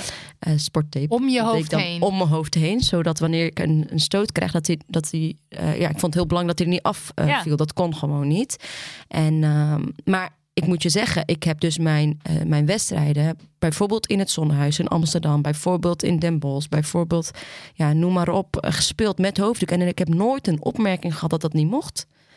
Dus ehm, dat was echt super fijn. Ja. Het had Ja, ook anders kunnen zijn ook- hoor. ja, want moet je- zijn natuurlijk. maar ja, dus dat was echt. ehm, ja.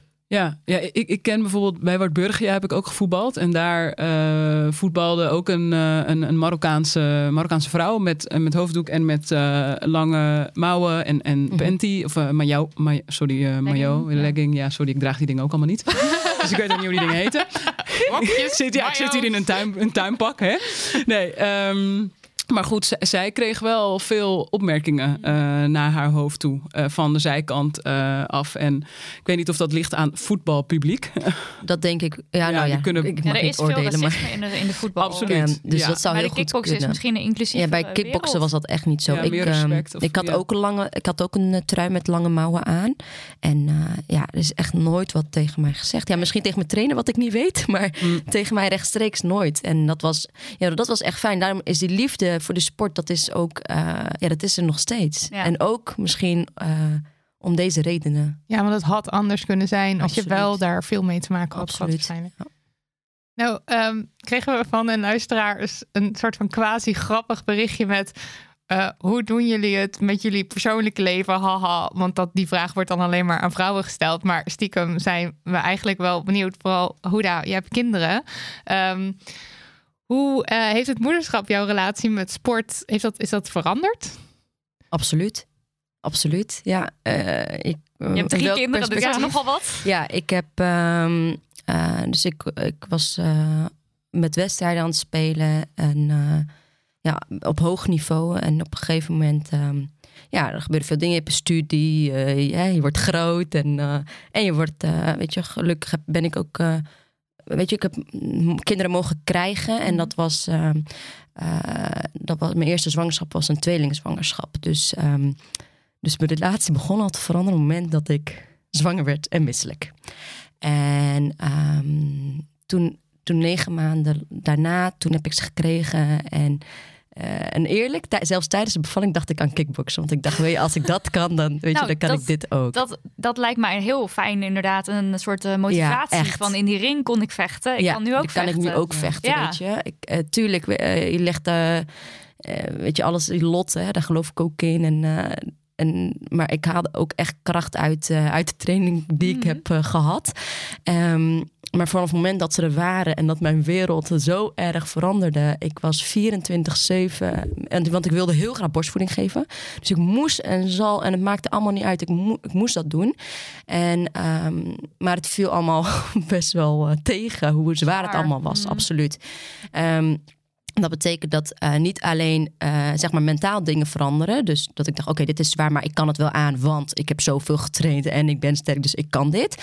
Maar ook lichamelijk, weet je, mijn rug, die, uh, mijn buik was echt groot. Ik, was ik ben 20 kilo aangekomen en ik ben niet zo heel lang. Dus je zag eerst buik, dan zag je mij erachteraan.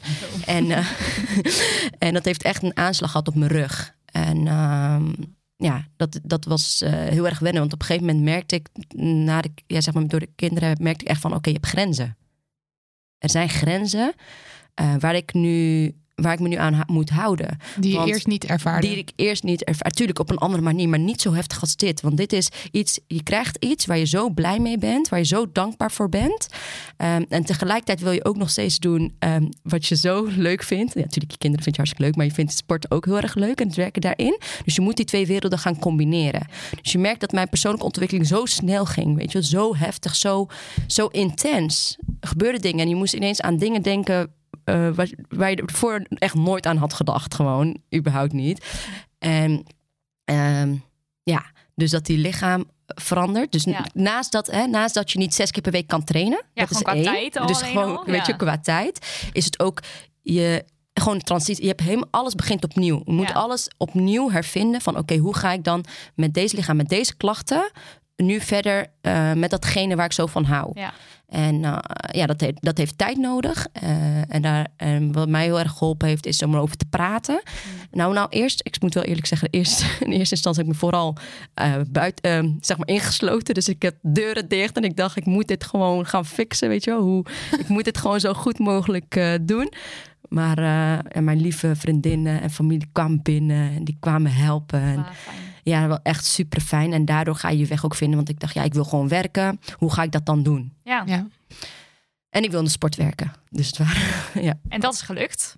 Dat is gelukt. Ja, met, eh, met slag van stoot. Hè. Het is eh, echt met vallen opstaan. Ik, ehm, na een half jaar ehm, ben ik eh, weer gaan werken. En ik dacht, ik wil... eh, want ik, wil, ik gaf heel veel sportlessen en zo. En op een gegeven moment dacht ik, ik heb mijn hbo gedaan en bla bla. Ik wil, eh, ik wil een hbo-functie. Nou, toen ging ik dat doen. Was beweegmakelaar. eh, ben ik nu nog steeds. Maar op een gegeven moment, na een paar jaar... na de, na de tweede zwangerschap... dus mijn derde kind, maar mijn tweede zwangerschap... ehm, had ik ook superveel klachten gehad. Ik dacht, nou, ik heb een tweeling gehad, dus deze doe ik wel even. Easy, ja. Ja, nou, dat was dus echt niet zo. Ik kreeg van Mm. alles. En ehm, dus dat heeft echt heel lang geduurd. Ehm, maar toen ik klaar voor was om te gaan werken, toen dacht ik, oké, ik ga die knop omgooien. Wat wil ik? Ik dacht, ik wil weer les gaan geven. Ik wil weer met die jongeren wat gaan doen, want daar ligt mijn kracht. Ja. En, eh, en dat doe ik nu. En toen kwam ik er ook tegen. Weet je, alles komt op zijn plek. En ik eerst keek er ook zo tegenop om, ehm, om eh, als ZZP in te schrijven. Iets, weet je, iets zo kleins. Weet je, ik, ja, wel doen, niet doen, wel doen, niet doen. Op een gegeven moment dacht ik, Spannend. super spannend. Ook omdat je, je krijgt een kind erbij. Ja. Want je lichaam is nog, eh, nog meer uitgerekt. En je wil sport doen. Weet je, je wil sportles geven. Niet alleen sportles, je wil coach doen. Je wil sport als middel laten zijn. Dus het is niet meer alleen dat ik het beoefen voor mezelf. Maar het is echt dat je iets, dat je een boodschap overbrengt door middel van sport. Dus je hele visie verandert. En dat is ook super snel veranderd door die kinderen. Ja, want op welke manier gebruikt Favela eh, Street de sport om mensen te empoweren, of kinderen specifiek te empoweren? Hoe werkt het? Ja, ja, wat we eigenlijk zeggen is dus we creëren een nieuwe generatie rolmodellen. En eh, wat we eigenlijk doen met ons programma is echt de psychosociale vaardigheden van eh, de jongeren ontwikkelen. En ehm, ja, wat we daar eigenlijk mee bedoelen is dat aan het eind van het programma willen we eigenlijk dat jongeren beter in staat zijn om een verstandige keuze te maken. Ik zal zo even uitleggen waarom. Eh, dat ze minder negatief beïnvloedbaar zijn en dat ze meer zelfvertrouwen hebben. Maar ook de vaardigheden hebben om een sportactiviteit te organiseren voor andere kinderen en jongeren in hun wijk. Ehm, en ehm, nou, zij groeien op. Eh, tenminste, de jongeren waar we mee werken hebben te maken met sociale uitsluiting. Eh, de ene wat extre- extremer dan de ander. En door die sociale uitsluiting, eh, wat er eigenlijk gebeurt, is de maatschappij zegt van tevoren tegen de jongeren: jij doet niet mee en jij kan ook niks. Om even het voorbeeld te nemen van een, ehm, ik zeg het even heel plat, een zwart meisje uit de favela. Eh, ik noem even Rebecca, 14 jaar oud, toen ik haar leerde kennen. Um, het zelfbeeld wat deze meisjes hebben, dat wat wij projecteren op die uh, kinderen en jongeren. Nou, ik noem dat klei in de oren, want dat is wat we erin stoppen. En van dat klei boetseer je je zelfbeeld. Uh, je gaat eigenlijk als het ware geloven in het beeld dat andere mensen van jou neerzetten. En dat doet wat met je zelfvertrouwen, die vooroordelen en met je zelfbeeld. En eigenlijk met sport willen we jongeren uh, het gevoel geven, of dat ze het gevoel krijgen dat ze iemand zijn en dat ze iets kunnen.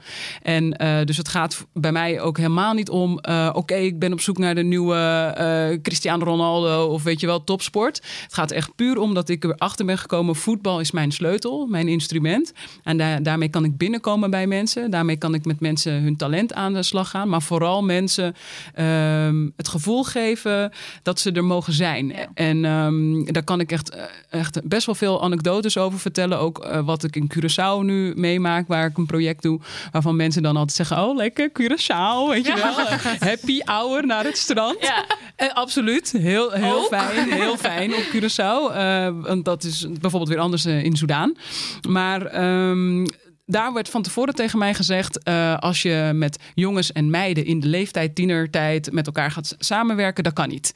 Gaat het alleen maar over seks? Uh, dat werkt niet. Um, twee, ze zijn superlui, um, hebben geen motivatie, geen dromen. Dus gaat je, gaat je niet lukken om die jongeren gemotiveerd te krijgen.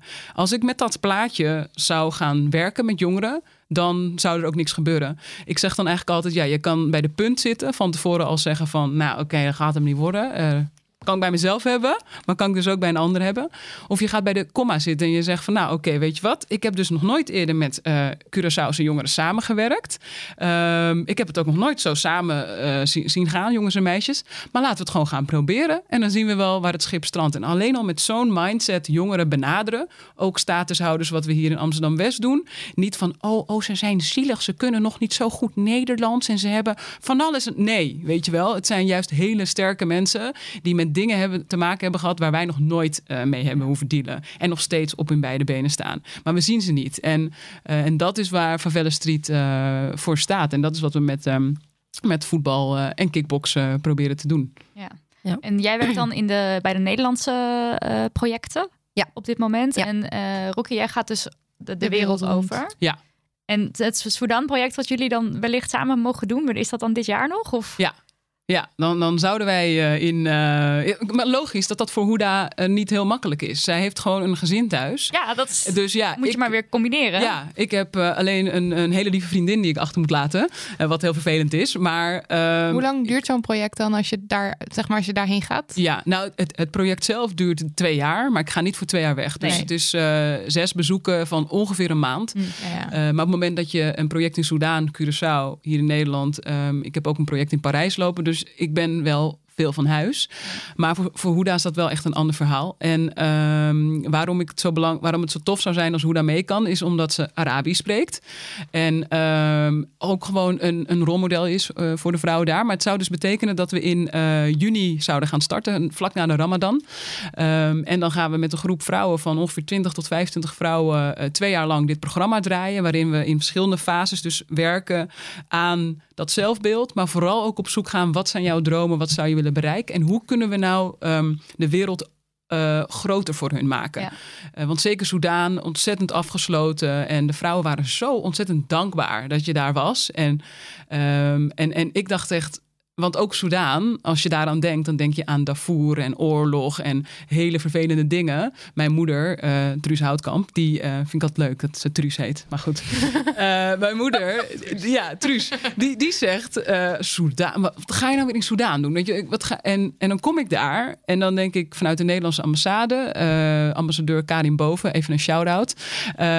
en ontzettend, zet zich ontzettend in voor de empowerment van de vrouwen daar. En zij heeft mij uitgenodigd en dan kom ik daar. En dan denk ik, wauw, Khartoum, Soudaan is gewoon super bijzonder, super tof. En ik kan niet wachten om weer terug te gaan. Ja. Dat is het. Dat is eigenlijk met uh, alles zo. Hè? Dat we ja, in het begin. Uh, we weten niet zo goed wat we van iets moeten verwachten. Hè? En dat doen we eigenlijk al bij onszelf. Hè? Dus van, uh, ja, ik kan vast niet tien keer opdrukken. Nou, uiteindelijk keer de twintig. Maar het is ook nee, dat hoor. wat we... Jij kan het. Als je het wil, dan kan je het. Ja. Ja. Moet je wel een beetje oefenen. Moet je het willen, ja. Moet je bij moeder op training. Ja. Um, maar tegelijkertijd is dat ook iets wat anderen bij ons doen. Hè? Dus we, ja, heel vaak dan uh, zegt ze tegen mij: ben jij een, uh, Zit je hier op school? Weet je, dan ga ik ergens wat les geven. Zit je hier op school? Ja, nee, maar, maar, maar, laten we het gewoon op tafel leggen. Want dat ja. gebeurde bij de Joke Smit aanmoedigingsprijs. Ja. Waar jij uh, gewoon letterlijk aan haar werd gevraagd: Oh, ben je student? Of loop je stage? Oh. Kom je hier voor de. Ze geloofden dus niet dat ik voor de prijs kwam. En dan denk ik: Oké, okay, ik heb ik zo mijn prijs gedaan. Nee, ik heb een wel. Daarom stond ze zo te gillen. Ja. Nee, maar dus het, het, echt. ja, dat is wel af en toe een dingetje. Maar dat is weer die verwachting hè, van anderen. En, en Mhm. hoe ga jij daarmee om? En uh, dus ik denk, en ik, ik zeg ook altijd tegen mezelf van uh, ik focus me op mezelf. Op wat ik, uh, waar ik, waar ik graag de focus op wil leggen. En wat anderen denken, ja, dat is dan zo. Maar in plaats van naar alle anderen te kijken, geef jezelf die energie Mm. om jouzelf te geven wat jij graag wil. En niet zozeer kijken wat anderen van je verwachten. Bij zo'n project dan zou jij je er bijvoorbeeld meer focussen op, op kickboksen en jij dan meer op voetbal? Of gaat alles door elkaar heen? Of hoe werkt het? is een mix, ja. Ik ben uh, sowieso, ik ben, ja, kickboksen is natuurlijk mijn middel, dat is mijn liefde. Uh, maar tegelijkertijd ben ik gewoon uh, opgeleid als sportcoach algemeen. Dus ik kan alle kanten op. En, ehm, dus ik, ik kijk heel erg naar de groep. Van wat is er nodig en daar speel ik op in. Ja. En is het dan, want Favela Street, ik, uh, uh, willen jullie dan ook uitbreiden in sport, zeg maar? In de soorten sport die dan, want als jij dan misschien kickboksen gaat geven, ja. dan, dan zou het dus ook op een gegeven moment uit verschillende sporten kunnen bestaan. Ja, het is wel ingewikkeld, omdat uh, natuurlijk de DNA en identiteit heel erg voor mijn gevoel ja, aan het straatvoetbal hangt. Favela street, street voetbal, zeg maar. Maar ik ben er ook achter gekomen dat in de projecten zelf is het niet zo dat alle jongeren uh, enorme fanatieke voetballers zijn. Ze hebben wel affiniteit met sport. En in het bijzonder in, nu nog wel met voetbal. Maar wat ik zo mooi vind aan de combinatie van voetbal en kickboksen. Um, dus ja, om even snel antwoord te geven. We sluiten het niet uit. Mm -hmm. Maar het is wel een belangrijk onderdeel van, van de DNA. Uh, en ik denk dat anders wordt het een soort iets van te vaag ding. Van alle sporten komen erbij. Maar er is altijd ruimte voor, voor ja, nieuwe, nieuwe sporten. Maar wat ik zo tof vind van de combinatie voetbal-kickboksen want we gaan volgend jaar weer een nieuw programma op Mundus College doen. En het, het kickboksen kun je heel goed inzetten voor zelfreflectie. En voor, uh, ja, wat kun je aan? En dan, hè, daar hebben we allerlei mooie oefeningen voor. Waarbij dat bij voetbal weer iets minder goed werkt. Dus dan, uh, maar je kunt bijvoorbeeld jongeren niet zomaar kickbokstraining laten geven aan andere jongeren. Dat kan je weer wel met voetbal doen. Ja.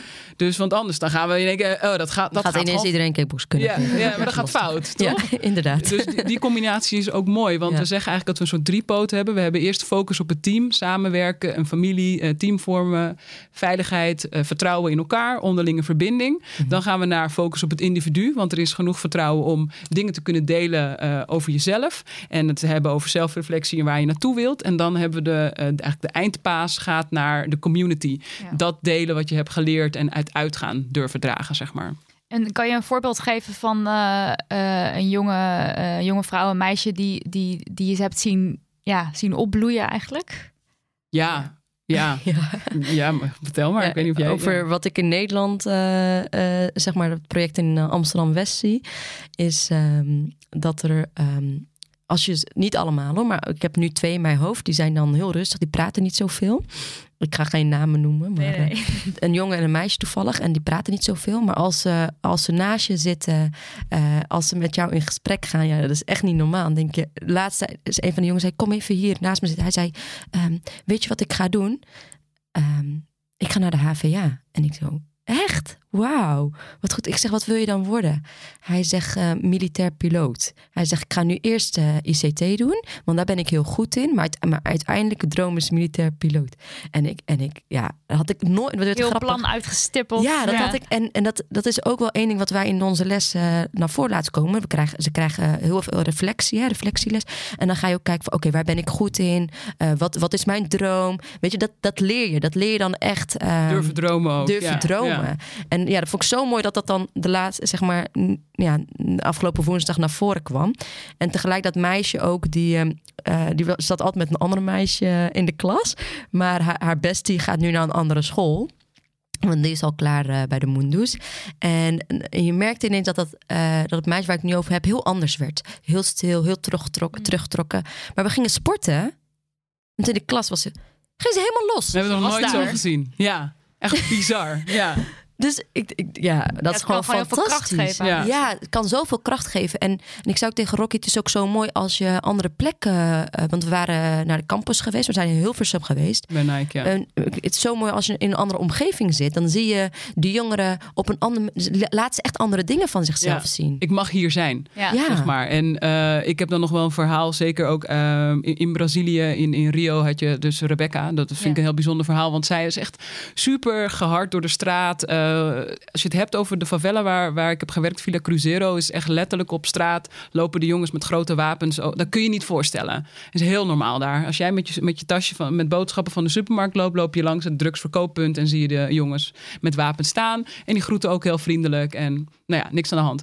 Maar zij groeit in zo'n wereld op en ze was heel erg eh, onverschillig. En heel een soort van best wel stoer. En ja, eh, werd veel op school uit de klas gestuurd, omdat het gewoon vervelend was. Maar ik kon ook door dat alles een heel pinter, ehm, eh, lief, leuk meisje zien, zeg maar. Op een gegeven moment hebben we, hebben we een exchange-programma gedaan. Hier in 2016 hebben we drie jongeren uit ons project uit Haiti en drie jongeren uit ons project uit Brazilië, uit Rio, hier naartoe gehaald voor twee weken lang. Zij was de jongste kandidaat, want ze was toen 15 of 16.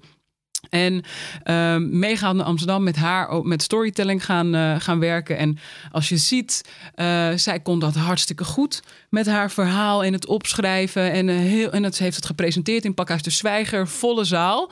En dat is een meisje van 15, 16 uit de favela. Die eigenlijk altijd uit school, uit haar klas wordt eh, gestuurd. Omdat ze heel vervelend is. Waarschijnlijk omdat de les gewoon te saai is. Want ze is waarsch- waarschijnlijk Te gewoon slim. te slim. Maar ja, het onderwijs op zo'n plek. Ze wordt niet uitgedaagd. En eh, die omgeving. En om zo iemand even uit de omgeving te halen. En eh, dat soort ervaringen. En als je dan ziet wat dat met dat meisje doet. dat is wel heel bijzonder. En dat is waarom we dit doen. Maar om nog even heel kort erbij te zeggen. We hebben wel ook altijd, als het kan, jongens ook in het project. Ja, dus een mix. Ja. Expres ook, neem Ja. ik aan. Ja. zeker. Omdat het juist belangrijk is om de mindset van de jongens ook eh, aan te passen en, en mee te ontwikkelen. Dat ze zien, oh, wacht even, meisjes kunnen ook gewoon voetballen, kickboksen, scheidsrechter zijn, coach zijn. In plaats van, oh, jullie moeten het eten verzorgen. Zeg Ja, maar. ja, ja, dat is heel belangrijk. Dat ja, ze je dat kan zien. vrouwen ook wel vertellen dat ze eh, eh, zichzelf moeten kunnen verdedigen. Maar uiteindelijk moeten we ook Ja. de jongens opvoeden. Die Dus moeten het gewoon mee. Hetzelfde, ja. En merk je dan als je dan voor een groep staat met jongens en meiden, dat daar nog, ja, dat daar onderling ook nog wel eh, wat seksisme te zien is? Of zijn ze dan, omdat jullie aan het hoofd staan, al meteen van oké, ja. Respect. ja, respect inderdaad. Absoluut. Of Ik- moet je af en toe nog even. Nou, stikken. uh, tuurlijk. Af en toe moet je absoluut nog wel eens wat. dan heb ik het even over de projecten in het Mhm, buitenland mhm. hoor. Ehm, Haiti, eh, ook best wel een. eh, ja, redelijk waar de cultuur, de vrouwen thuis, kinderen en, en dat zeg maar. Mhm. En daar moet je, moet je, tuurlijk, in het proces liep je wel eens tegen dingen aan. Ik merk nu op Curaçao helemaal niet dat het echt.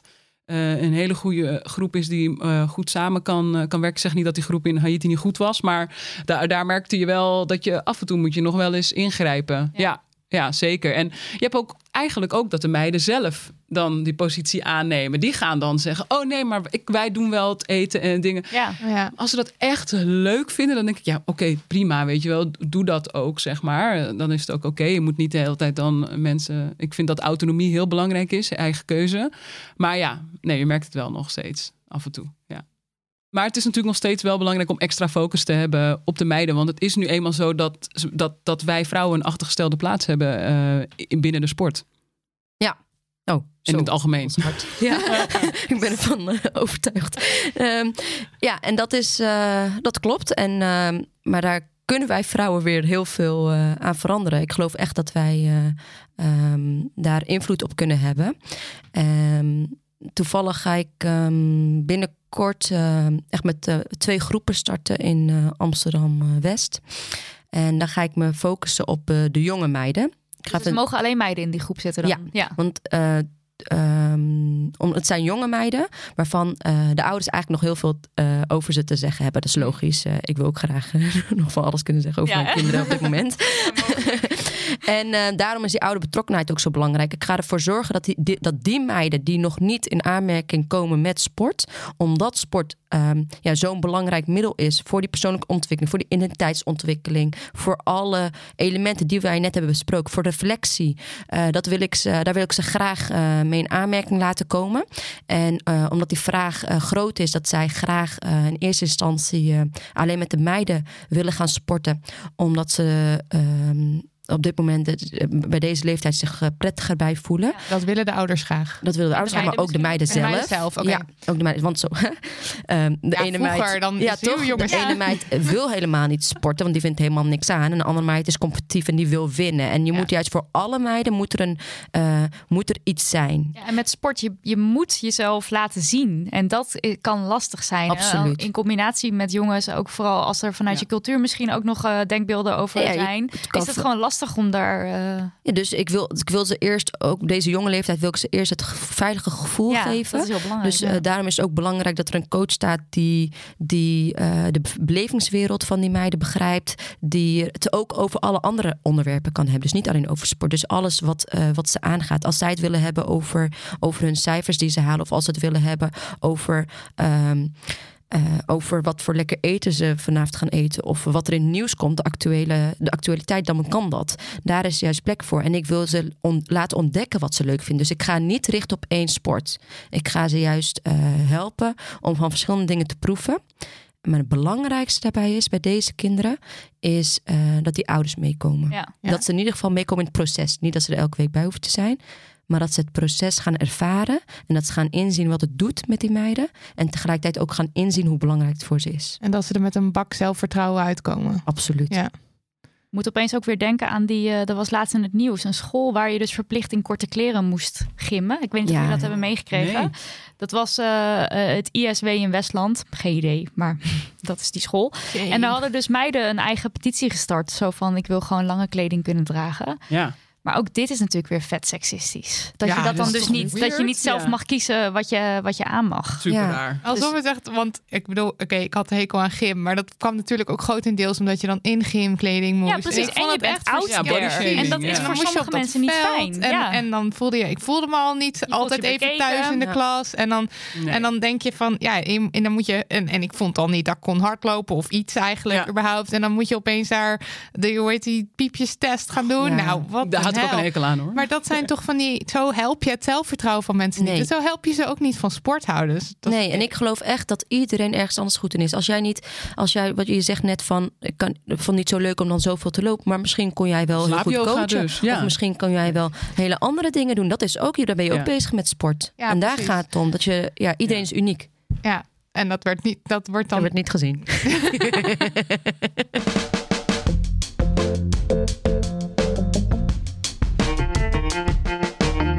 We bij onze lievelings der lievelingsrubrieken. De Damn Honey Yes en No. Marilotte, begin jij even met de No. Ja.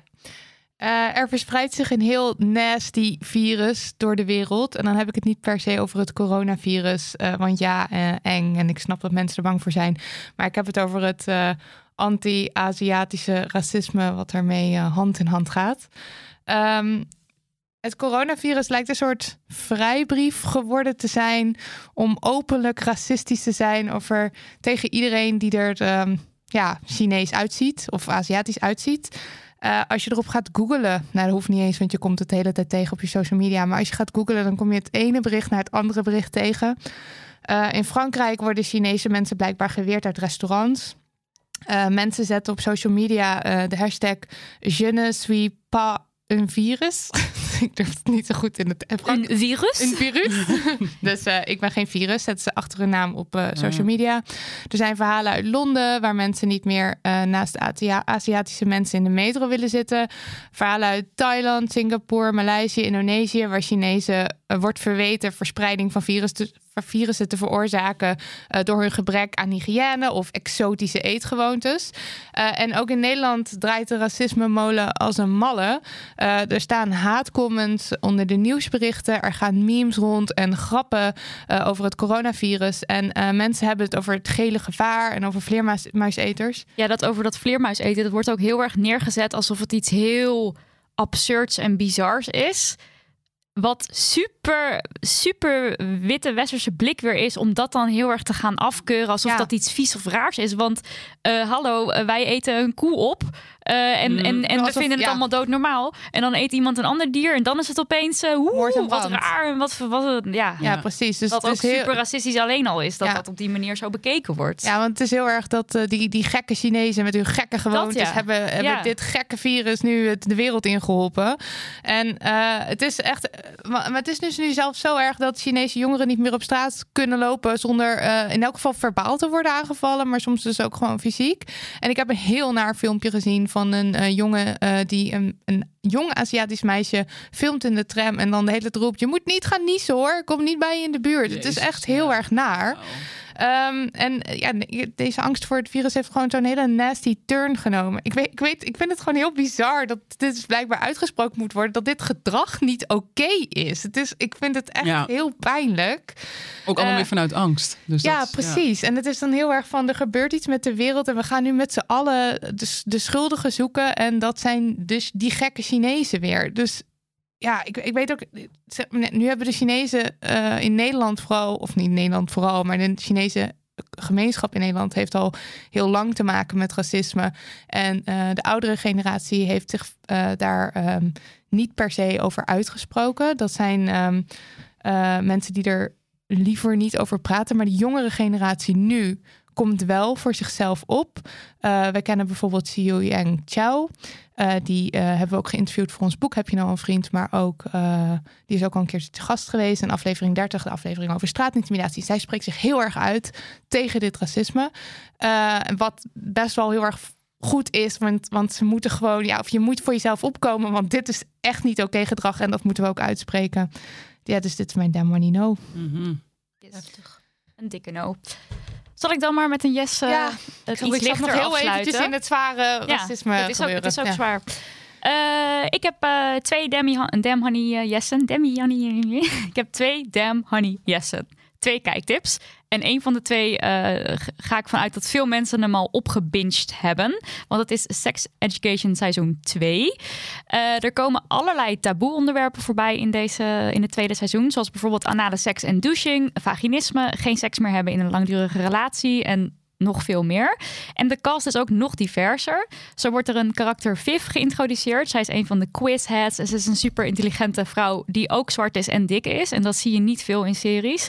Eh, en Maeve krijgt een nieuwe buurman, Isaac. En dat is een jongen die een rolstoel gebruikt. En die hele cast is eh, super divers. En dat vind ik al heel fijn om naar te kijken. Maar er was één verhaal wat mij specifiek eh, aangreep. Ook omdat ik zelf een vervelende ervaring heb gehad in het openbaar vervoer. Dus ik vond het herkenbaar. Er volgt nu een spoiler, dus als je het nog niet gezien hebt, eh, moet je nu even je oordopjes uit je oren trekken en dan eh, of een minuutje doorspoelen. Daar ga ik. Oké. Het is het verhaal van Amy. En Amy die gaat eh, met de bus naar school. En dan is er een man die achter haar staat en zich aftrekt. En sperma komt op haar broek terecht. En ze komt op school en ze vertelt het aan een vriendin. En dit vind ik dus wel heel, ja, heel goed gedaan en heel herkenbaar. Zij, zij gaat het zelf heel erg downplayen. Dus niks aan de hand. Ja, het is wel mijn favoriete boek. Het is wel vervelend, maar hè, niks aan de hand, niks aan de hand. En dan zegt die vriendin mee, zegt nee, we gaan toch aangifte doen. Dat vind ik al heel goed dat ze daarvoor gekozen hebben om het zo eh, eh, in beeld te brengen. En vervolgens wordt de aangifte ook heel serieus genomen door de politie. Dat vind ik ook heel prettig om dat eens zo op televisie te mogen zien. Ehm, en je ziet haar dan op het eind van de aflevering, zie je Amy alleen in haar kamer. En dan zie je dat ze breekt. En dat vond ik ook super herkenbaar. Dus op het moment dat je met de buitenwereld bezig bent, dan zeg je nee, het gaat wel. Het was echt niet zo erg. En het stelt niet zoveel voor, maar ondertussen doet het wel heel erg veel met je. Uh, en het, uh, de verhaallijn loopt door, door de verschillende afleveringen heen. Dus je ziet ook de impact die het maakt op haar leven. Uh, zij, ziet, ze ziet die man verschijnen terwijl die er niet is. Dus dan schrikt ze heel erg. Ze durft niet meer intiem te zijn met haar vriend. Daar heeft ze heel veel moeite mee. Um, en ze durft de bus niet meer in. En ik vind dit, dit is gewoon heel belangrijk dat dit verhaal uh, getoond wordt. Dus um, ja, wat voor een impact heeft het? En ja, hoe, hoe ga je daar dan vervolgens mee om? Ook als vriendinnen. En wat ik dan echt fantastisch vind, wat echt een super damn honey yes is. Is dat al haar uh, vrouwelijke klasgenoten met haar besluiten de bus in te gaan om haar angst te overwinnen. En dan zitten ze met z'n allen op een rijtje achter in de bus, zo van: kom op, we gaan het doen. Huilen en, moest ik. Ja, ik ook. Oh, en uh, Maeve, dan, ze staat dan zo te twijfelen, Amy, bij de bus. En dan zegt die buschauffeur van, uh, you getting in or what? En dan zegt mm. Maeve ook van, oké, okay, just give her a minute. Zo van, weet je wel, ze is echt aan het opnemen voor haar. En dat vond ik echt super goed om te zien. Kleine Noel Um, ze hebben het hele over vagina's, terwijl ze vulva's bedoelen. Dus ze bedoelen alleen de buitenkant. En ze noemen het het vagina. Dat vind ik raar voor een programma dat Sex Education heet. Hmm. En er zit een seksuoloog in die op een gegeven moment uh, de anatomie van de vulva bespreekt. Ze noemt het dus de vagina. Dat klopt dus al niet. En dan haalt ze um, bij de. Leidt, ze wijst naar de clitoris en dan haalt ze het eruit. En dan is het dus een soort van heel klein. Speldenknopje. Speldenknopje. Wat ze zo dan laat zien van dit is de clitoris. Terwijl de clitoris in werkelijkheid heel uh, groot is. En ook aan de binnenkant aanwezig is. En dan denk ik echt van wow, jullie zijn zo goed bezig en jullie zijn super uh, inclusief en uh, uh, allemaal te boederbrekend, maar je kan dus niet, je kan niet de clitoris even goed in maar beeld ik dacht brengen. dat ik in de maling werd genomen. Ja. Ik dacht, nou, en nu is het soort van grapje. Ja, ja, hier is die. Nu gaan ze het nog wel even goed doen. Dat dacht ik ook, maar dat kwam niet. Nee. En dat vond ik heel frustrerend. Maar ik zag dat Ellen Laan al een tweetje heeft gestuurd naar de actrice die die seksuologe speelt. Zo van, nou, oh. als je advies nodig hebt voor de volgende, ik ben hier. Dat is natuurlijk mijn droom crossover. Hè? En Laan in Sex Education. uh, ja, nee, nou ga het, ga het allemaal uh, kijken. En dan heb ik een tweede Damn Honey Yes, die heel erg leuk is. Want dan kom ik meteen ook bij het evenement waar ik het eerder over had.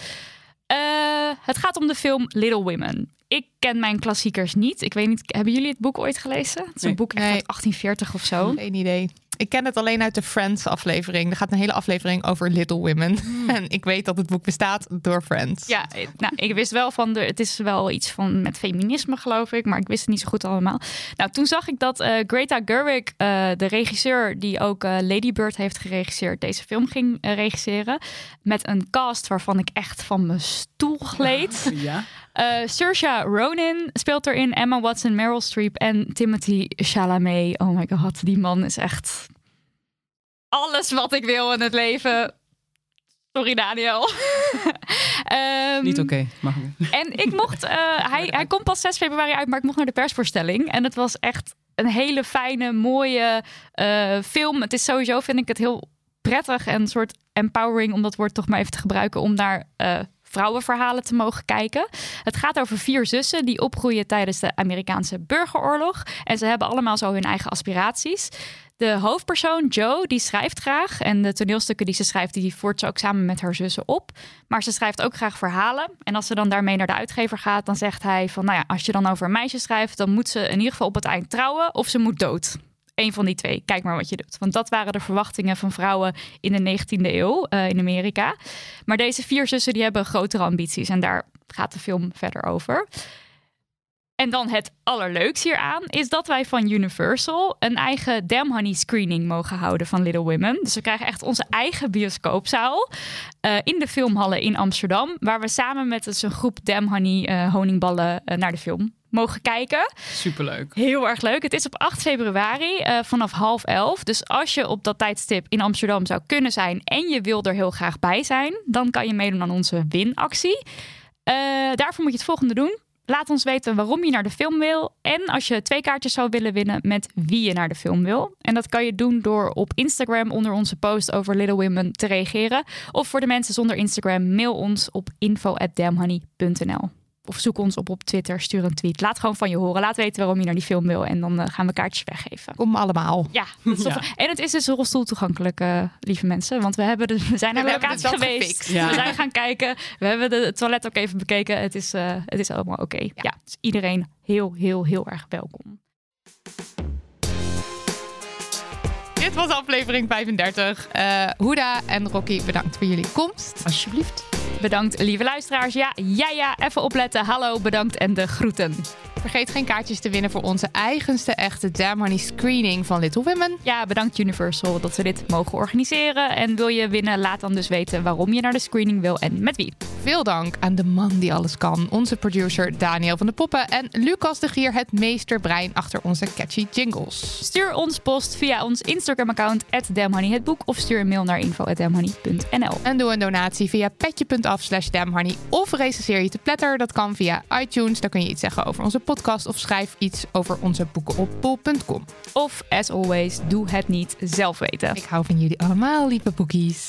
Tot over twee weken. Joetjes. Nog even over die grootse en epische muziektheatervoorstelling. Het achtste leven voor Brilka is een marathonvoorstelling van 5 uur. Koop je tickets voor deze bijzondere theateravond via oostpol.nl.